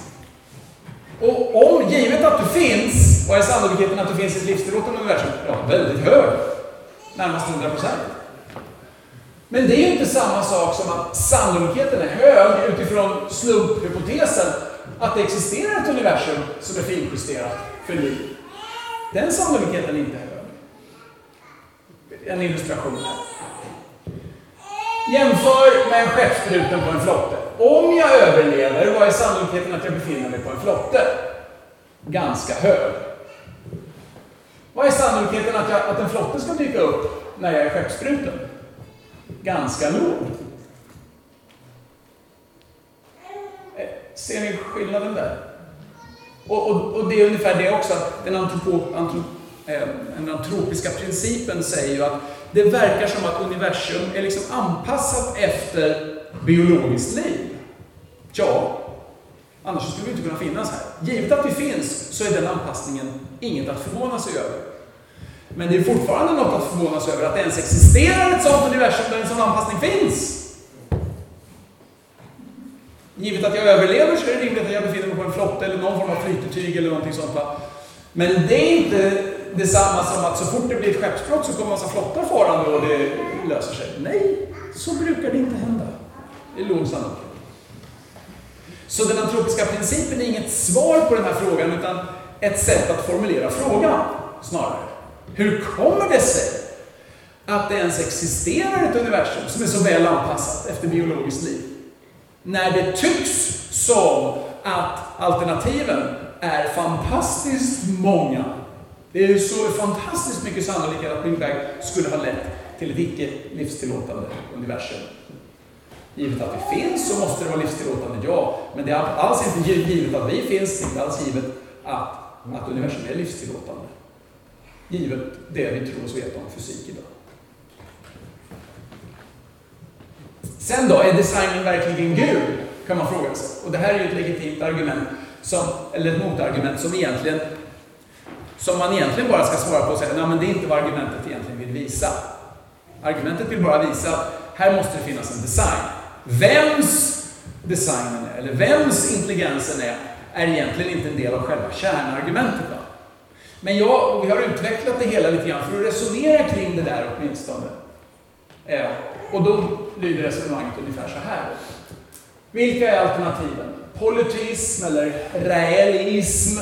Det finns ju en sån här fransk ufo-sekt som säger att eh, eh, de har plockat upp det här med intelligent design väldigt starkt och sagt här är beviset för att vi skapar, för att universum är skapat av utomjordingar. De tror på utomjordingar. Eh, panteism och panenteism. Jag ska förklara skillnaden strax. Deism och teism. I mina ögon är det här huvudalternativen. Jag kunde inte komma på flera. I alla fall. Kan du det så säg det. Så, begränsade gudar, begränsade skapare. Ufon eller Zeus eller någon form av Oden, alltså någon form av gud som inte är allsmäktig, som i sin tur är skapad eller har kommit till i tid och rum på något vis. Va? Någon form av begränsad gudom eller skapare. Okay? Vad ska vi säga om det? Ja, vem designade dessa icke-nödvändiga, icke-eviga varelser? Det är en fråga som kommer som på posten. Det är en fråga som jag som kristen får många gånger. Vem har skapat Gud? Och då säger man, men Gud är den yttersta verkligheten. Gud är inte skapad, Gud är nödvändig. Och då kan man ju klaga på det svaret och så. Men på något vis måste vi alla fråga oss, vad är den yttersta verkligheten? Antingen är det absolut ingenting och då har allting kommit från ingenting och hur det? Eller så finns det någonting där som inte går att inte finnas, som bara måste finnas där. Och vad skulle det vara? Vad, vad har det för egenskaper? Vad har den yttersta verkligheten för egenskaper? Det är ändå en fråga som filosofiskt, tycker jag, är rimlig att ställa. Va? Givet att man tror på orsak och verkan och att vi kan försöka tänka bakåt och sådär. Det verkar inte konstigt åtminstone, givet mänskliga förnuftet. Så så, eh, så den där frågan kan jag få, och då svarar jag och säger, nej men Gud är evig, Gud är nödvändig. Gud är, jag är, jag vet. Liksom. Det är min tro. Och då öppnas inte det här utrymmet, vem har skapat Gud? Och säger, ja, men det är fel ställd fråga, det är ungefär som att fråga, vilken färg har idéer? Det, det, jag är ledsen, idéer har inga färger. Gud har ingen begynnelse. Gud är tidlös, evig på något sätt. Alltså det, det är vad jag menar med Gud. Och en del kan tycka att det svaret är otillfredsställande och sådär. Men, men det är svaret. Men om du då säger, nej, den Gud som har skapat vårt universum, eller det UFO som har gjort det, är i sin tur någonting som är i behov av förklaring eller orsak. Då, då är det verkligen en befogad fråga. Varför tro på detta mellanläge, detta mellanväsen? Så här, jag pratade med mormoner en gång, det kanske är någon som är mormon här, jag vet inte. Men, men mormoner tror ju faktiskt, de är en form av polyteister. De tror att eh, om du som man gifter dig på rätt sätt i templet och så vidare, eh, och, och sen då när du dör och din fru dör och så, då kommer du och din fru bli den heliga familjen i, om ni har följt reglerna och. Då får ni ett eget universum där du som man då kan vara Gud fader och sen, ja din fru får ju bli Gudrun eller något liknande då, eh, i det universumet. Och, och faktum är att det här, vårt universum har en sån Gudrun också. Jag har frågat mormoner om det här och det, ja, så. Så att det, den heliga familjen finns och, och, och det är en sån Gud som vårt universum styrs av. Och då frågade jag faktiskt mormoner, okej, okay, men vem är det som administrerar alla de här universumen och ser till att det blir på det här sättet, alla de här gudarna i respektive i det här multi, gudomliga multiversumet. Vem är överguden över alla gudar? För det är den guden jag är intresserad som trona av att tillbe.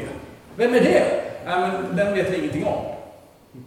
Så, så det där kan vara lite intressant att, att veta att, att, det här är faktiskt vad mormoner bekänner sig till. Det är inte alla mormoner som kanske är medvetna om att det här är deras lära, men, men det är faktiskt det, vågar jag påstå. Hur som helst. Och då blir liksom den här frågan, varför? Jag vill ju tro på gudars gud. Jag vill liksom gå to the real thing, liksom. Så känner jag. Det blir åtminstone en fråga som infinner sig. Ja, eh, varför tro på mellanliggande gudar? Sen har vi då panteism eller panenteism. Och panteismen är ju att Gud och universum är identiskt. Panenteism, eh, den vanliga formen där är att Gud är en gudomlig själ som genomsyrar universumet och universumet är Guds kropp. Alltså en del av Gud. Så att eh, Eh, universum är lika med Gud eller universum är lika med en del av Gud. Det är panteism kontra panenteism.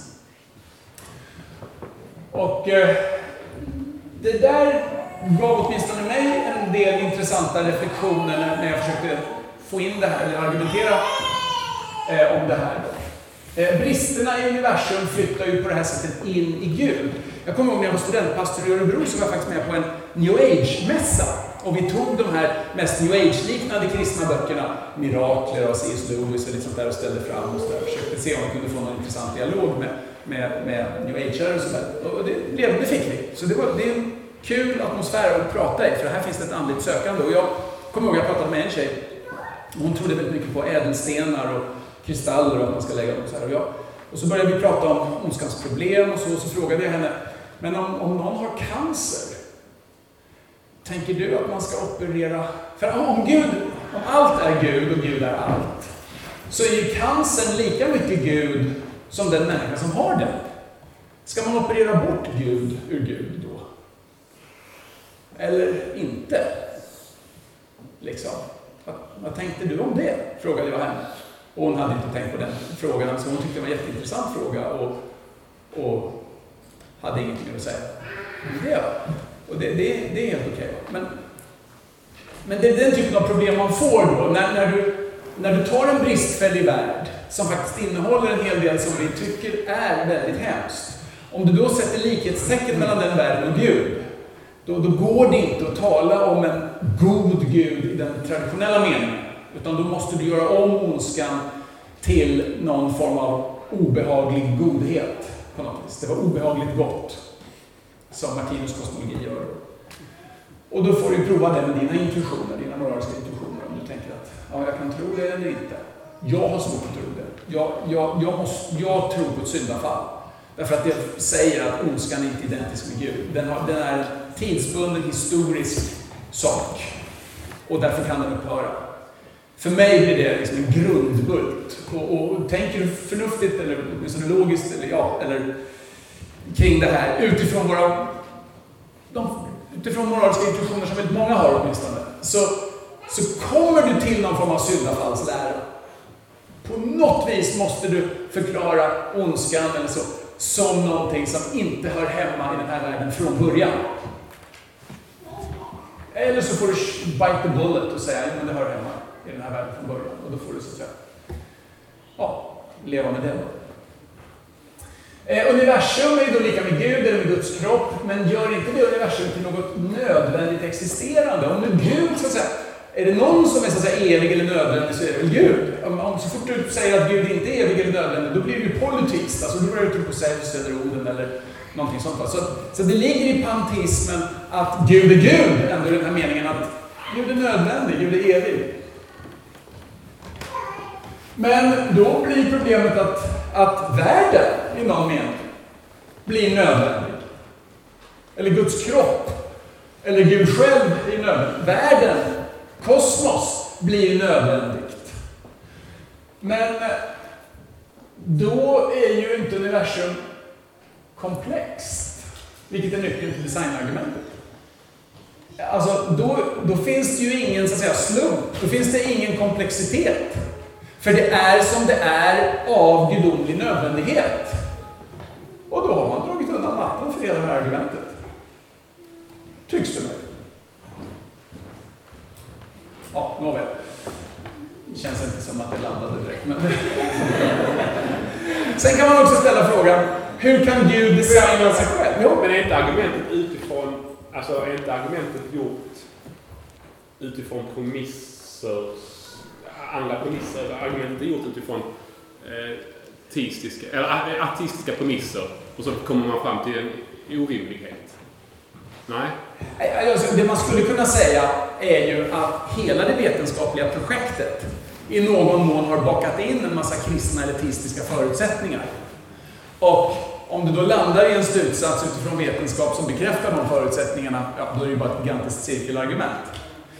Men min poäng är fortfarande då att, att den här vetenskapliga insikten om att universum är väldigt, väldigt komplext, och den komplexiteten tycks motsvara ett mönster som vi kunskapsteoretiskt har fått oberoende av detta. Då, då ger det oss så att säga, skäl till att tro att här är någon som har tänkt.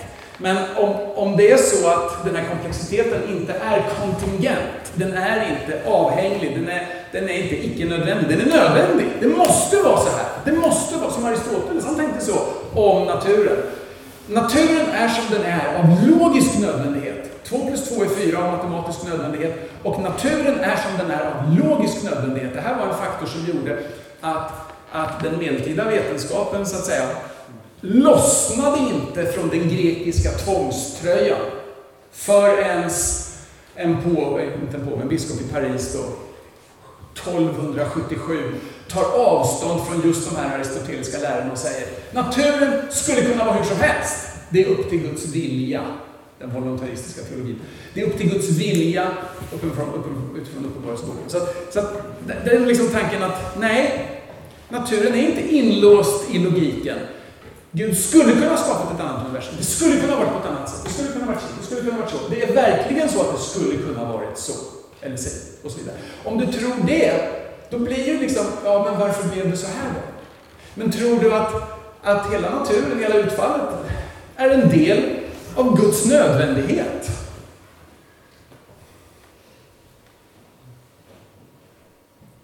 Ja, då, då finns det ingen komplexitet där. Bara skenbarligen, men inte i verkligheten. Är du med? Jo, men man säger någonting väldigt, väldigt, väldigt osannsynligt. Utifrån de här premisserna, och därför förkastar vi de premisserna, det är på ett helt annat sätt. Ja. Det, alltså, så det, det är ju det som man säger som teist också. Jo, jag menar, en, en, en pantist eller en panentist skulle helt enkelt bara kunna säga så här, ja men vi struntar i designargumentet. Det är inget argument vi använder oss av. Det är inget viktigt. Ja, eller säga att det blir en absurditet av din världsbild. Vi har en annan. Alltså den här ofantliga lilla slumpen, eller sannolikheten. Ja. Det blir liksom en absurditet i din världsbild. Men det, det problemet har inte jag i min världsbild, för universum är en logisk nödvändighet. Ja, just det. Det skulle ju en person kunna säga. Men det jag bara säger är då att... att är fortfarande Givet- designargumentet intressant. Ja, givet att designargumentets premisser är intressanta och sannolika så blir panteism och panenteism i motsvarande grad osannolika.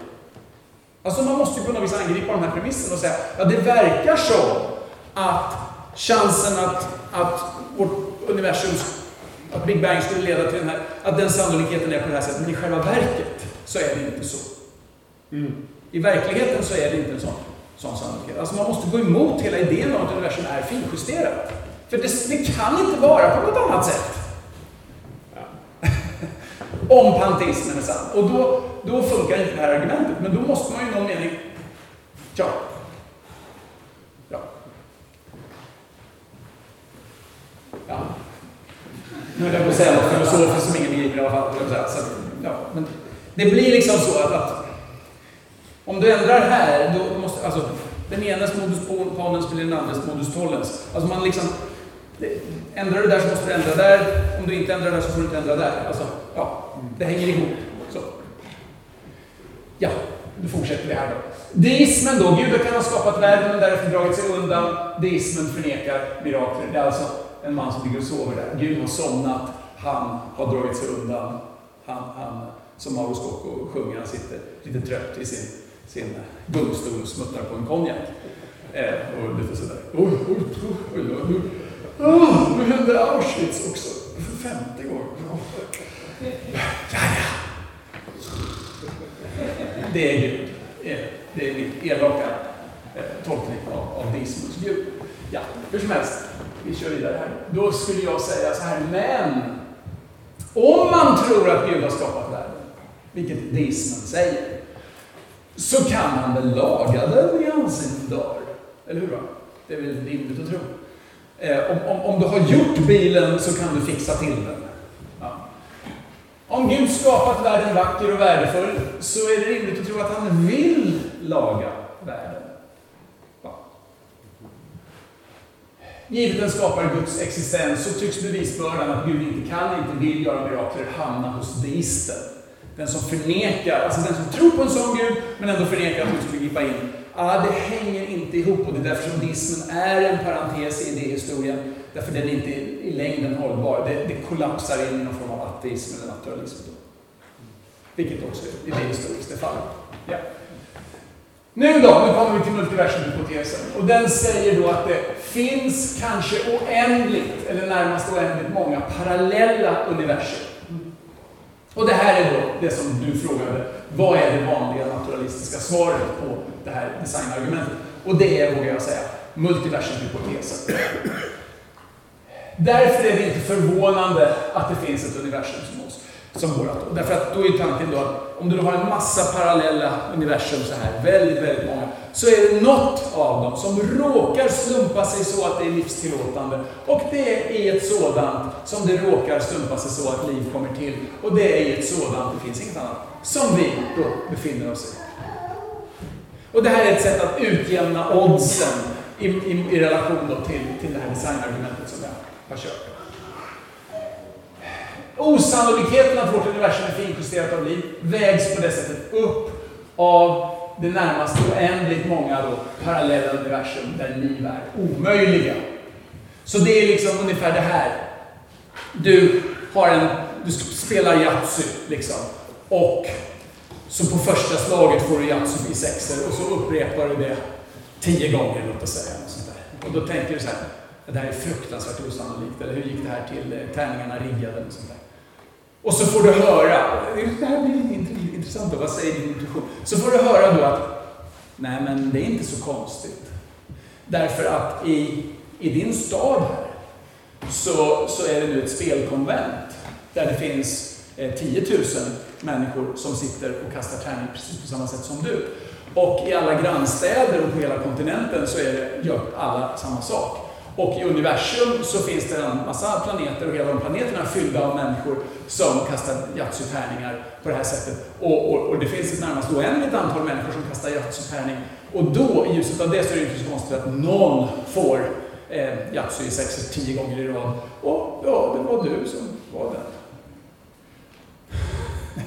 Det var liksom frågan, men är det inte ändå lite osannolikt att jag fick det? Eller blev det plötsligt inte något konstigt därför att nu är det en massa människor utanför här som, som sitter med tärningar. Då blir det plötsligt så blev det förklaringen. Ja, det där, här går intuitionen åt olika håll alltså. Det, det, men, men det är liksom det som är tanken. Man utjämnar oddsen och säger så här, ja, det har testats så många gånger. Då kan man ju säga att om du var den som kastade alla de här gångerna så är det inte så konstigt att du en gång Och skillnaden är ju att ens liv hänger på att man ska få de här ja, just det. Det hänger på att du får Yatzy tio gånger i Ja, rad. alltså du kommer inte notera att du har fått Yatzy tio gånger i rad förrän, Förrän du fått det. förrän du fått det. Ja, exakt det. Och då i efterhand. Exakt så situation. Exakt. Ehm, ja, invändningarna då mot universumhypotesen är ju då för det första att det är, det är ju en spekulation förstås. Eh, och, och, och det intressanta är ju då också att, att det är ju kraften i designargumentet som indirekt ger kraften till multiversumhypotesen, förstår ni? Alltså det är ju för att, och PCW Davis han säger det uttryckligen, att, att innan multiversumhypotesen kom upp på scenen så ville kosmologer och astrofysiker inte prata om den här med finjusteringen, för att då, då blev det liksom pinsamt. För det var som att bjuda in Gud i, i, in i vetenskapen och då, då pratade man inte om det. Men i och med att multiversumhypotesen kommer upp på, på scenen så börjar man pusta ut och känna ah, ja, men då fanns det en naturalistisk förklaring. Vad skönt. Då kan vi prata om det. Det är i alla fall hans beskrivning, utan att vara kristen. Han är ju någon form av, av kanske pantist eller någonting sånt. PCW Davis, han som, eh, jag hade flera citat av det. det. Det där citatet finns i boken också. Jag trodde jag hade med det, men jag kanske missade det.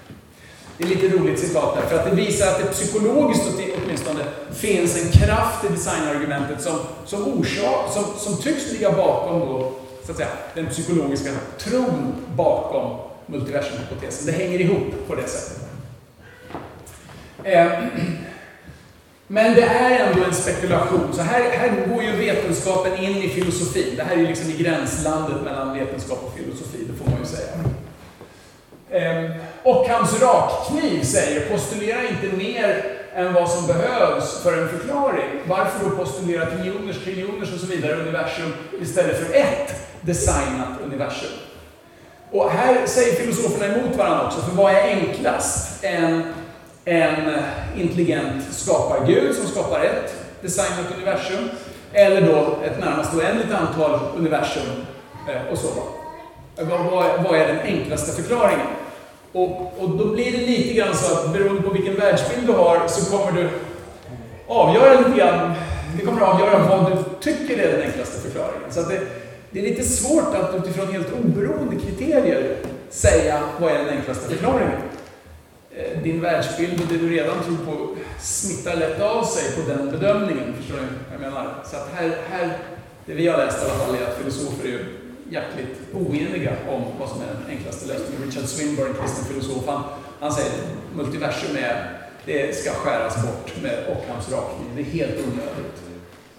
Medan andra säger motsatsen. Ja. Eh, hur många universum man än postulerar kan detta ändå aldrig bevisa att vårt eget universum är betydelselöst, säger Christian de Duve, en sån här intellektuell eh, som uttalar sig. Eh, och, och, här blir liksom frågan, man skulle kunna, man skulle kunna gå ett, ett steg djupare i tanken, ungefär så här. Inte vad är det för universum vi lever i? Strunt i den frågan så länge och ställer frågan, vad är det för tillvaro vi lever i? Och med tillvaro inkludera hela multiversumet. All, alltså, vad är det för sorts tillvaro vi lever i? Där medvetanden kan finnas. Där moral kan finnas. Just medvetandet är faktiskt en, en stor stötesten och det kanske du inte har tänkt på men, men det var väldigt roligt att få undervisa om medvetandefilosofi på Kredoakademin, Eh, för det är ett sånt där fält som vi, väldigt många vet väldigt lite om. Men medvetandet, tänk på det. Vad egentligen börjar är det för något? Du vaknar upp, så här, slår upp ögonen och tar ditt medvetande för givet, för det är genom det du så att säga tittar på världen. Men medvetandet är en jättekonstig sak. Det är jätte, jätte superkonstigt. Du springer inte omkring och tror att atomer är medvetna. tror jag inte att du gör. En del kanske gör det, men de är väldigt få. Som tänker så här, pianot, spela lite försiktigt på det för annars kanske du får ont. Eh, det, det, vi tror inte att atomer är medvetna. Men om du pusslar ihop dem på ett tillräckligt komplicerat sätt, som i hjärnan, då är det plötsligt bubblar upp ett medvetande. Om du har samma komple- komplexitet, men du tar träatomer istället, och, och lika komplext, tror du då att alla de träatomerna tillsammans då, låt oss säga att du tar en hel kontinent eller ett jordklot eller någonting sånt där och sätter ihop träbitar på ett lika komplicerat sätt som, som i hjärnan eventuellt, eller du kanske behöver en jättemycket större planet eller behöver ett universum för att göra det. Men låt oss säga att du gör det. Så det är träbitar istället för, för fett. Tänker du då att hela den här träkonstruktionen börjar säga, åh, nu ska vi se oss omkring här. Det kommer ett medvetande. Tror du det? Eller jag tror inte det. Jag tror inte att datorer blir medvetna. Om du tar alla datorer och kopplar ihop dem till internet, har internet börjat bli medvetet? I alla fall i en liten pytteliten grad. Det borde det. Om komplexiteten i atomers strukturer är det som skapar medvetande. Ja. Ja, Nåväl. Nu ska jag inte ta hela den kursen, men det är väldigt intressant. Och det här är något som ateistiska filosofer grubblar över, för de är medvetna om att hur man än vrider och vänder sig så verkar medvetandet vara av ett annat slag än den fysiska verkligheten. Jag kan bara ta ett, ett litet exempel på någonting som vi tror finns i medvetandet, de flesta av oss, kanske inte alla, men i praktiken tror nästan alla på det, nämligen fri vilja. Du tror att du har någon form av frihet, på något sätt, i din respons på hur du ska agera och så sådär. Det är väldigt få som tror att de är så att säga, av, de, av synintryck och eh, ljudvågor och fysiska orsaker så är du helt enkelt tvungen att välja det du valde. Det fanns ingen frihet överhuvudtaget. Det är inte så många som tror det. De flesta tror ändå att de på något vis, och särskilt så tror de det om andra. Vad gjorde du sådär för din idiot? Så Ja, jag var färgbestämd av fysikaliska lagarna. Och eh, ja, initialvillkoren. Och står det på käften så anklagar inte mig i all sin dag. Det är inte så många som kör det argumentet. Och gör de det så tror vi inte att de tror på det i alla fall. Men om din tanke ska vara fri, om du har en genuin ansvarighet, då betyder det att det finns någonting i din hjärna som inte styrs av naturlagar.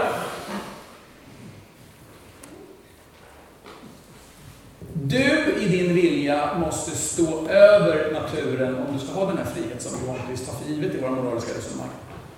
Du måste till viss del vara över naturlig. Om du ska ha den friheten. Tycks det mig? Och det tycks så för väldigt många ateistiska filosofer också. Därför förnekar de frivilliga. I själva verket, om man sparkar dem på smalbenet, så kommer de agera som om jag, de och jag trodde på frivilliga. Så här. Ja, nej, men det är min kristna liksom, jag är förutbestämd att sparka dig på eh, Ja, hur som helst. Nåväl, men, men medvetandet är en jättekonstig. Vi lever i en tillvaro där medvetande kan finnas. Och finns. Och som är av en annan sort än det fysiska. Tycks det. Det kan inte multiversumhypotesen förklara. Överhuvudtaget. Vi kommer inte ens i närheten av att kunna förklara det. Då kan man fråga sig, vadå, det är inte till för det? Nej, det kanske inte är till för det. Men styrkan med en designhypotes är att den faktiskt innehåller fröet till att kunna förklara väldigt mycket mer. Till exempel, om den designen, den förutsätter att den är medveten, den förutsätter någon form av val. Det du gör med en designhypotes är att du säger att medvetande, i viss mån också frihet kan tänkas, är grundläggande egenskaper hos tillvaron och är någonting grundläggande, då är det bara så. När min son Daniel frågar sig, varför, varför är solen gul? Eller vit eller vit. Ja, varför? Ja, den är det till sin natur, säger jag. Ja, men varför? Ja, för att den är sån. Alltså, du kan, du kan förklara saker i termer av något annat. Varför är det så här? Ja, därför att det där är så. Men sen kommer du till en punkt där du inte kommer längre och då får du säga, ja, Därför att det är dess natur. Och det är också en förklaring. Det är också en förklaring. Annars får jag hålla på och förklara förklaringen för förklaringen och förklaringen och förklaringen och förklaringen i ledighet. Och, och det finns, alltså vi accepterar faktiskt förklaringar som är så. Ja, guld är, vatten är H2O till sin natur. Om det inte var H2O så skulle det inte varit vatten. Det är till sin natur så. Ja, men varför är vatten H2O? Det skulle kunna vara H2O3 Ja, det, ja, det, nej, nej, det skulle det inte kunna. För då hade det inte varit vatten, förstår du? Det är, faktiskt, det är nog faktiskt så. Förstår ni?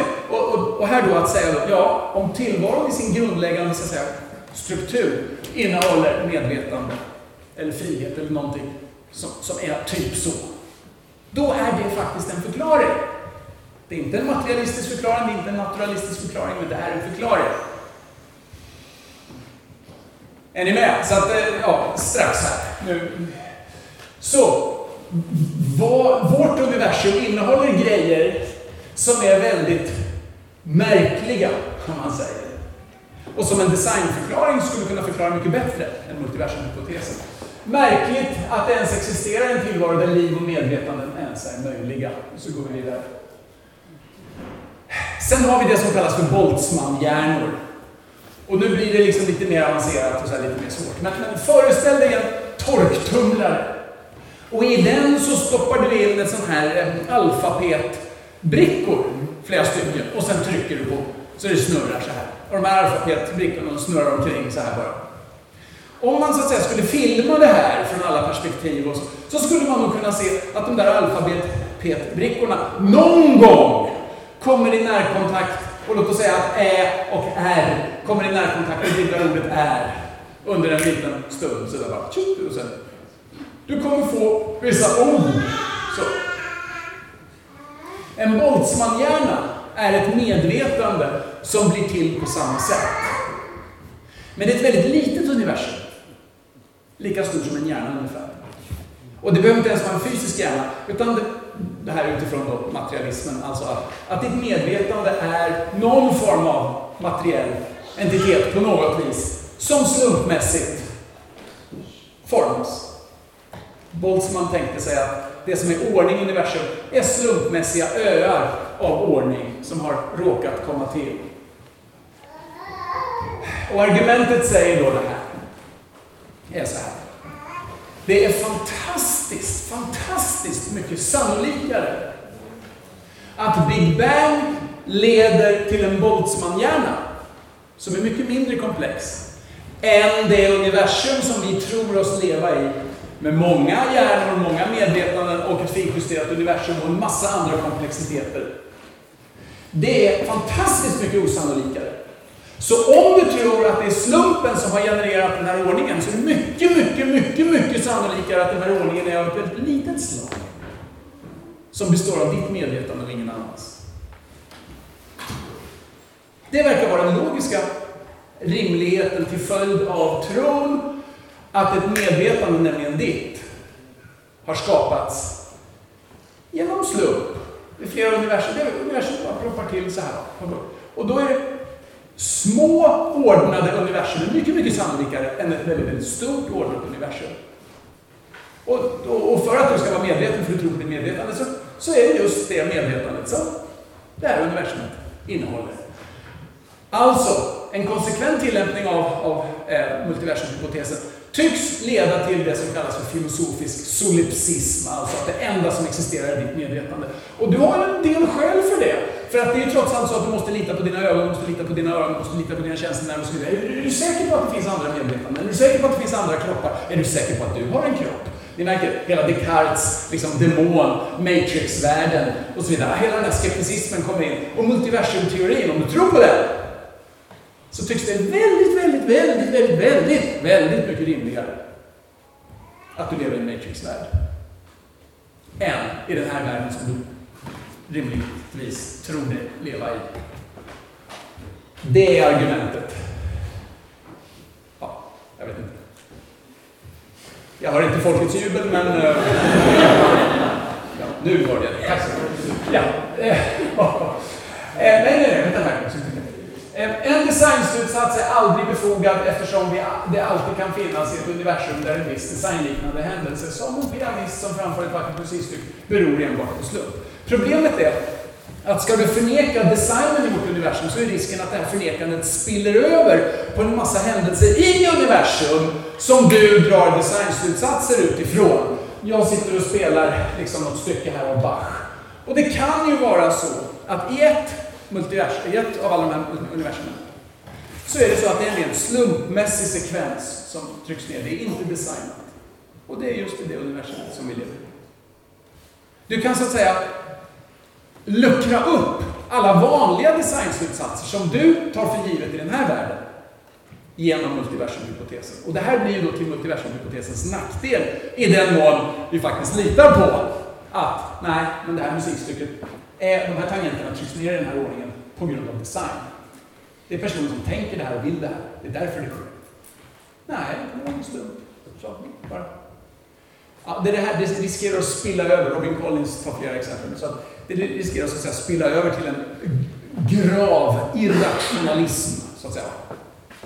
Även multiversummodeller som har, en, eh, som har då en fysisk universumskapande mekanism måste vara finjusterade. Och det här tycker jag egentligen är det starkaste argumentet mot multiversumhypotesen.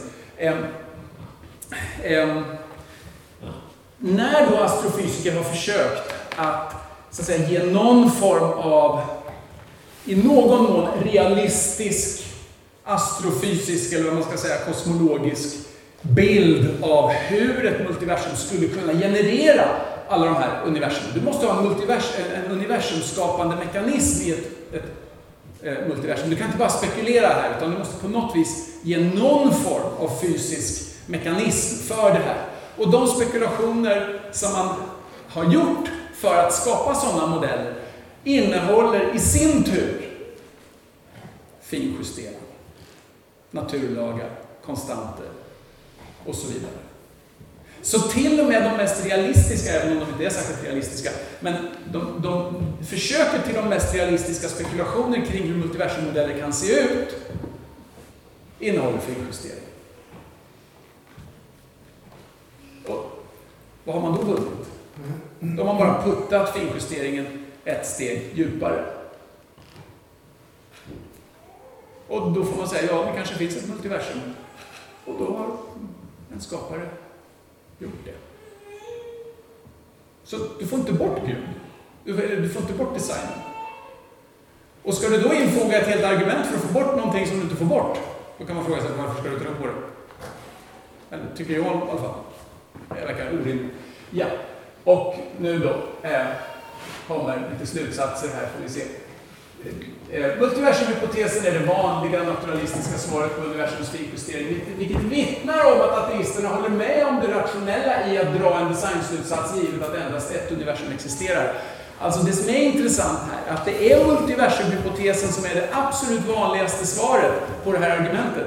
Det finns ett gäng andra försök att underminera designargumentet utifrån universums finjustering, men, men det, de min upplevelse är att de lyckas inte särskilt väl, inte ens i kritikernas ögon, utan det är multiversumhypotesen som är så att säga, svaret som man ger.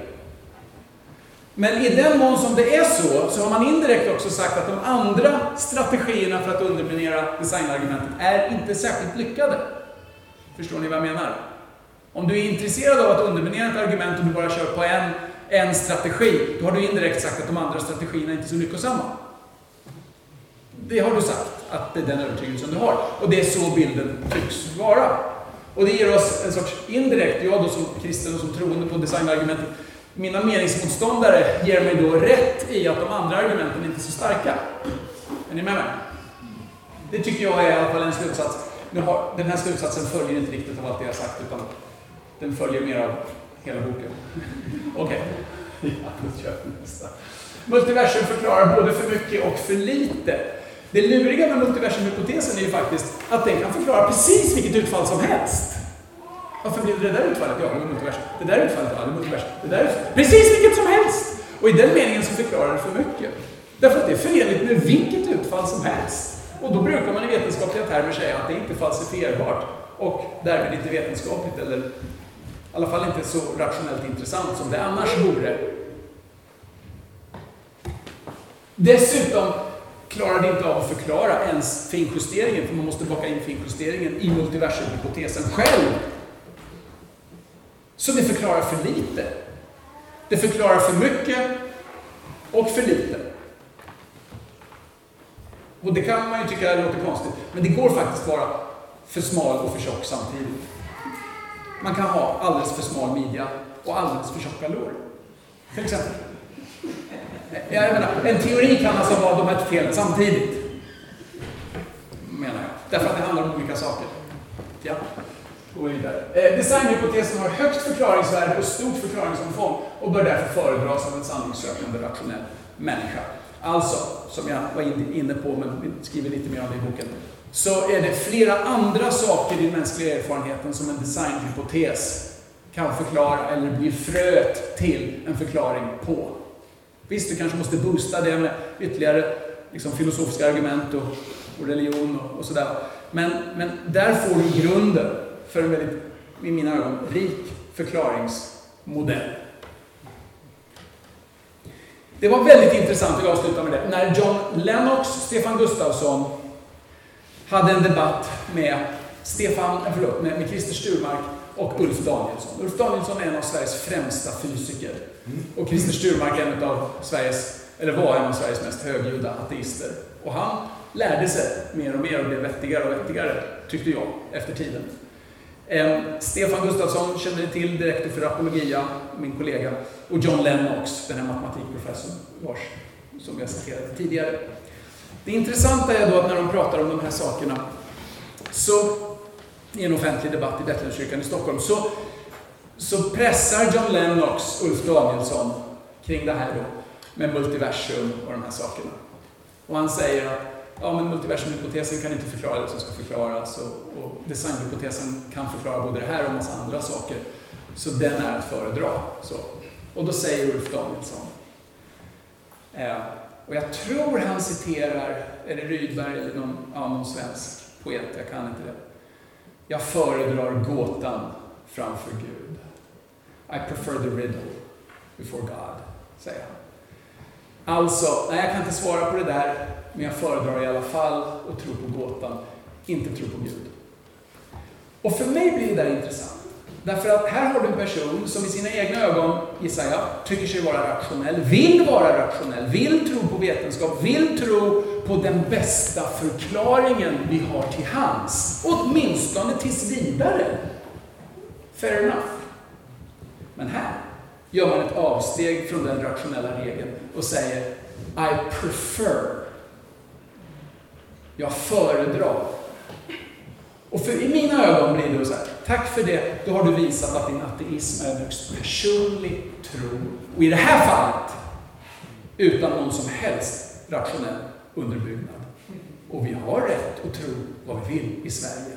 Men kom inte till mig och säg att ateismen är mer förnuftig än teismen, Guds tro. I alla fall inte i det här avseendet. För här är det vi som har på fötterna. Det är åtminstone min slutsats.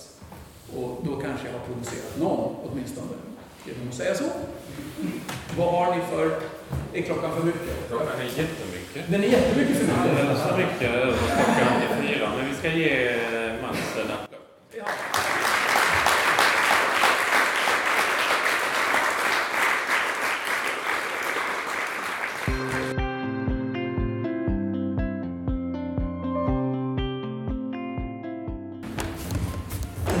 Jag funderar lite grann på eh, dels eh, designargumentet och dels eh, det här med multiversumhypotesen.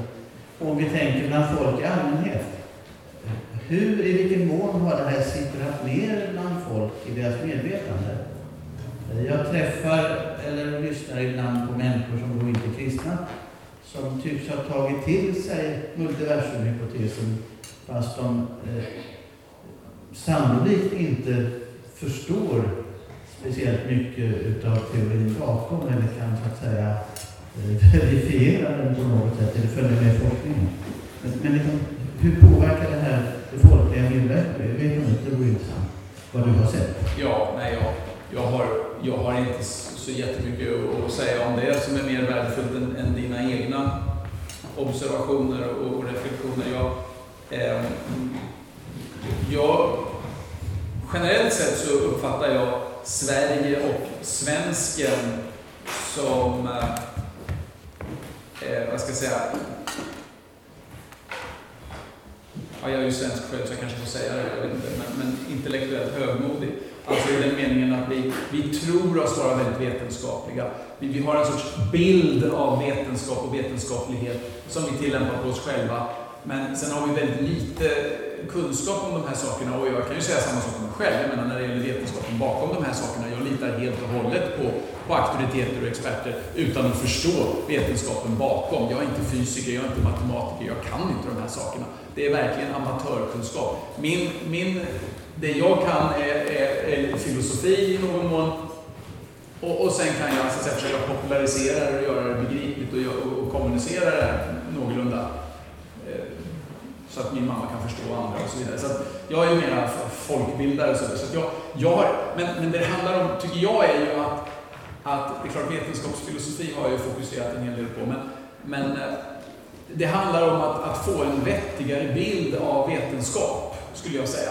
Och, och, och, och så fort du börjar få en, en, en, en vetenskapsfilosofi som är mera verklighetsgrundad, eh, så, så luckras den här vetenskapsövertro upp. För, för väldigt mycket av, av så att säga, motståndet mot kristen tro och, och, och Guds tro överlag grundar sig på någon sorts idé om att ja, men vi är ju vetenskapliga och så här. Så bakar man in sin egen livsåskådning, sin naturalistiska livsåskådning i det och, och, och kallar det för vetenskapen och vetenskapen säger. Så. Och det är därför som jag har den här föreläsningen förstås och, och, peka pekar. Men, men en väldigt viktig faktor som jag ser det är vetenskapsfilosofin. Att för vetenskapsfilosofer, ofta är det nog vetenskapare själva som, som har gått över till filosofin för de tycker det blir liksom djupare och intressantare än att bara hålla på med kemi. Sådär. Tycker en del. Det, det. Eh, och, och, och, då när man börjar titta vetenskapsfilosofiskt på vetenskapen så märker man att den här positivismen, den här övertron, då, den är verkligen inte berättigad. Alltså. Eh, den här tanken som man får lära sig i gymnasiet då, om den vetenskapliga metoden till exempel. Och det är bara problemet är att det, det finns ingen vetenskaplig metod. Det finns ett helt gäng vetenskapliga metoder. Men det finns ingen metod som avgör vilken metod du ska använda när och hur och var. Utan det är upp till din bedömning. Så att säga. Och, och, och det finns här vetenskapsfilosofiska anarkister som, som Feyerabend till exempel, som säger att det finns överhuvudtaget inga regler inom vetenskapen. Och, och, och astro, astrologi är ett lika legitimt perspektiv som astrofysik, liksom, ungefär. Sådär. Och det, det är ju för långt, tycker jag, absolut. Men, men varför gör han det? Jo, därför att han har koll på vetenskapsfilosofin och säger, här är det inte den där fina ordningen där, där vetenskapare liksom, ja, nu är det här motbevisat och då ändrar jag mig. Nej, det brukar de inte alls göra, utan de fortsätter. Det spelar nästan ingen roll hur mycket motbevis som kommer, de fortsätter att tro på sin favoritteori i alla fall. Ofta är det så, inte men, men det, det, är ofta, liksom, det, det, är, det är inte alls de här rationella processerna som är väldigt stilrena och tydliga så här, som man följer. Det är inte så det funkar. Och, och, att liksom lära sig det, eller se det, tycker jag är ett viktigt intellektuellt renhållningsarbete till förmån för mig då som teist. För att, för att man använder liksom vetenskapen hela tiden för att slå på min tro. Liksom. Och, och, och, på det här sättet så kan jag lite grann avväpna dem. Eller jag kan göra deras stålklubba till en gummiklubba. Liksom. Eller till en, ja, något ännu mjukare. Eh, så, vetenskapsfilosofi. Och sen vetenskapshistoria. Det tycker jag är väldigt intressant när jag har börjat läsa det. Eh, och, och om jag då får göra reklam för min bok, Utan Jesus ingen mobil i fickan. Det är ett sätt att försöka lite grann för ungdomar. Jag har också skrivit som min mamma kan läsa. Eh, och, och, då handlar det liksom om, om vad vetenskapshistoriker säger, där de då faktiskt hävdar att med största sannolikhet hade vi inte haft modern vetenskap och modern teknologi om det inte vore för kristen tro. Om det inte vore för att kristna övertygelser letat sig in i den intellektuella världen så att säga, under medeltiden. Eh, och så, då hade vi inte haft modern vetenskap. Säger de. Vetenskapshistoriker alltså. Och det här blir också ett sätt för mig då, som kristen att lite grann avväpna Medelsvenssons hänvisning till vetenskap hela tiden som någonting som han försöker slå i huvudet på mig. Då. Och, och, och jag tycker att det här grundar sig väldigt mycket på okunskap. Visst är det så att min tro och, och den kristna tron, om du ska ta Bibeln på allvar och så vidare, så uppkommer en massa frågor. Hur passar det här ihop med modern vetenskap? Och, och en del av de frågorna har jag inget svar på. Eh, och, och, inte ens Stefan Gustafsson. Eh, som är då leder apologia, som jag ser upp till. Och så så jag menar, det, det, en, och, och inte ens William Lane Craig har svar på, som är liksom hela världens Stefan Gustafsson, eller i alla fall USAs. Ja, så, här. så de här kristna som verkligen försöker svara på alla frågor, vi har inte svar på alla frågor. Och, och, och därför så finns det, när man då angriper och säger, ja men det här då, svara på det här vetenskapligt, hur går det här ihop med vetenskapen? Det finns verkligen sådana frågor där vi inte har svaret riktigt, va? vi vet inte. Och, och, då, och, och, det, och, och då blir det lite skönt att ja, ni, utjämna den matchen genom att, just genom vetenskapsfilosofi och vetenskapshistoria.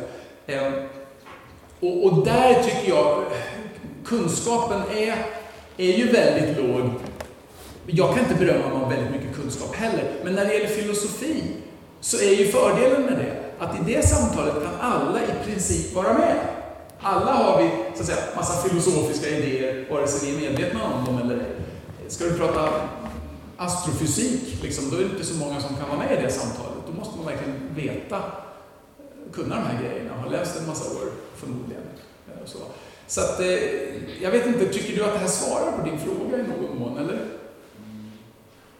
Ja, med många ord, men... Ja, Jag vet, lite många ord, jo, jo, men... eh, Ja, jag vet. Men vetenskapsfilosofi och vetenskapshistoria tycker jag är viktiga här för att få bort lite grann av den här vetenskapsövertron som Medelsvensson har och som egentligen är mer av en, en uppblåst sak snarare än en verklighetsförankrad sak. Och många vetenskapsmän och kvinnor har ju inte den attityden. En del har det, men en, väldigt många har ju inte den attityden. De har inte den väldigt starka tron på vetenskapen, för de vet att det finns massa subjektiva element och det finns bedömningar. Och paleontologer i Kina gör en helt annan tolkning av fossilfynden än vad paleontologer i Europa och USA gör, till exempel. Och det förmodligen säger vi idag av politiska skäl, medan de säger att nej, det är av politiska skäl som ni gör det. Bla bla bla. Så att kultur, politik, det är massa saker som spelar in i forskningen. Sånt där behöver vi få veta mer av, för vi lever, vetenskapen har tagit religionens plats lite grann i det vanliga medvetandet. Där tycker jag man ska sätta in en stöt. Inte bara för att jag är kristen tycker jag det, utan jag tycker det som en, som en sorts intellektuellt renhållningsarbete. För det här är, det blir dumt, vi, vi gör oss dummare än vad vi är om vi håller på sådär. Ja, ja det var många ord, ja, ja, jag tänkte. Ja, ja. Jag tänkte också komma lite från ett filosofiskt håll då. Mm, eh, Du pratade om förståelse och sådär i början. Ja, just det. Eh, Jag tänker mig när man kyrkan som eh, givetvis ser Gud som en eh, den kristna kyrkan ser Gud som, som allting skapare och allting mening och mål kan man säga. Och sen kommer då Aristoteles och lyckas in i det katolska tänkandet. Ja, Och där sker ju någonting att man, man har en delvis en kristen syn men också en filosofisk syn. Och det är ett slags uh, mischmasch, kanske man skulle kunna krasst säga. Men det, det påverkar ju faktiskt eh, kyrkans sätt att se på saker. Sen kom Ockham då vad jag förstår. Och, och Luther använde sig av Ockham sen då att eh, och stödde sig på honom och visa att katolska kyrkan har en viss eh, vissa problem att förklara saker. mm. Kan, kan du redogöra någonting för det? Eller, Ja, menar alltså, jo, alltså, ja, filosofin letar sig in och så vidare. Men samtidigt är det ju också så att kristen tro ger oss ju inte ett filosofiskt system, så att säga.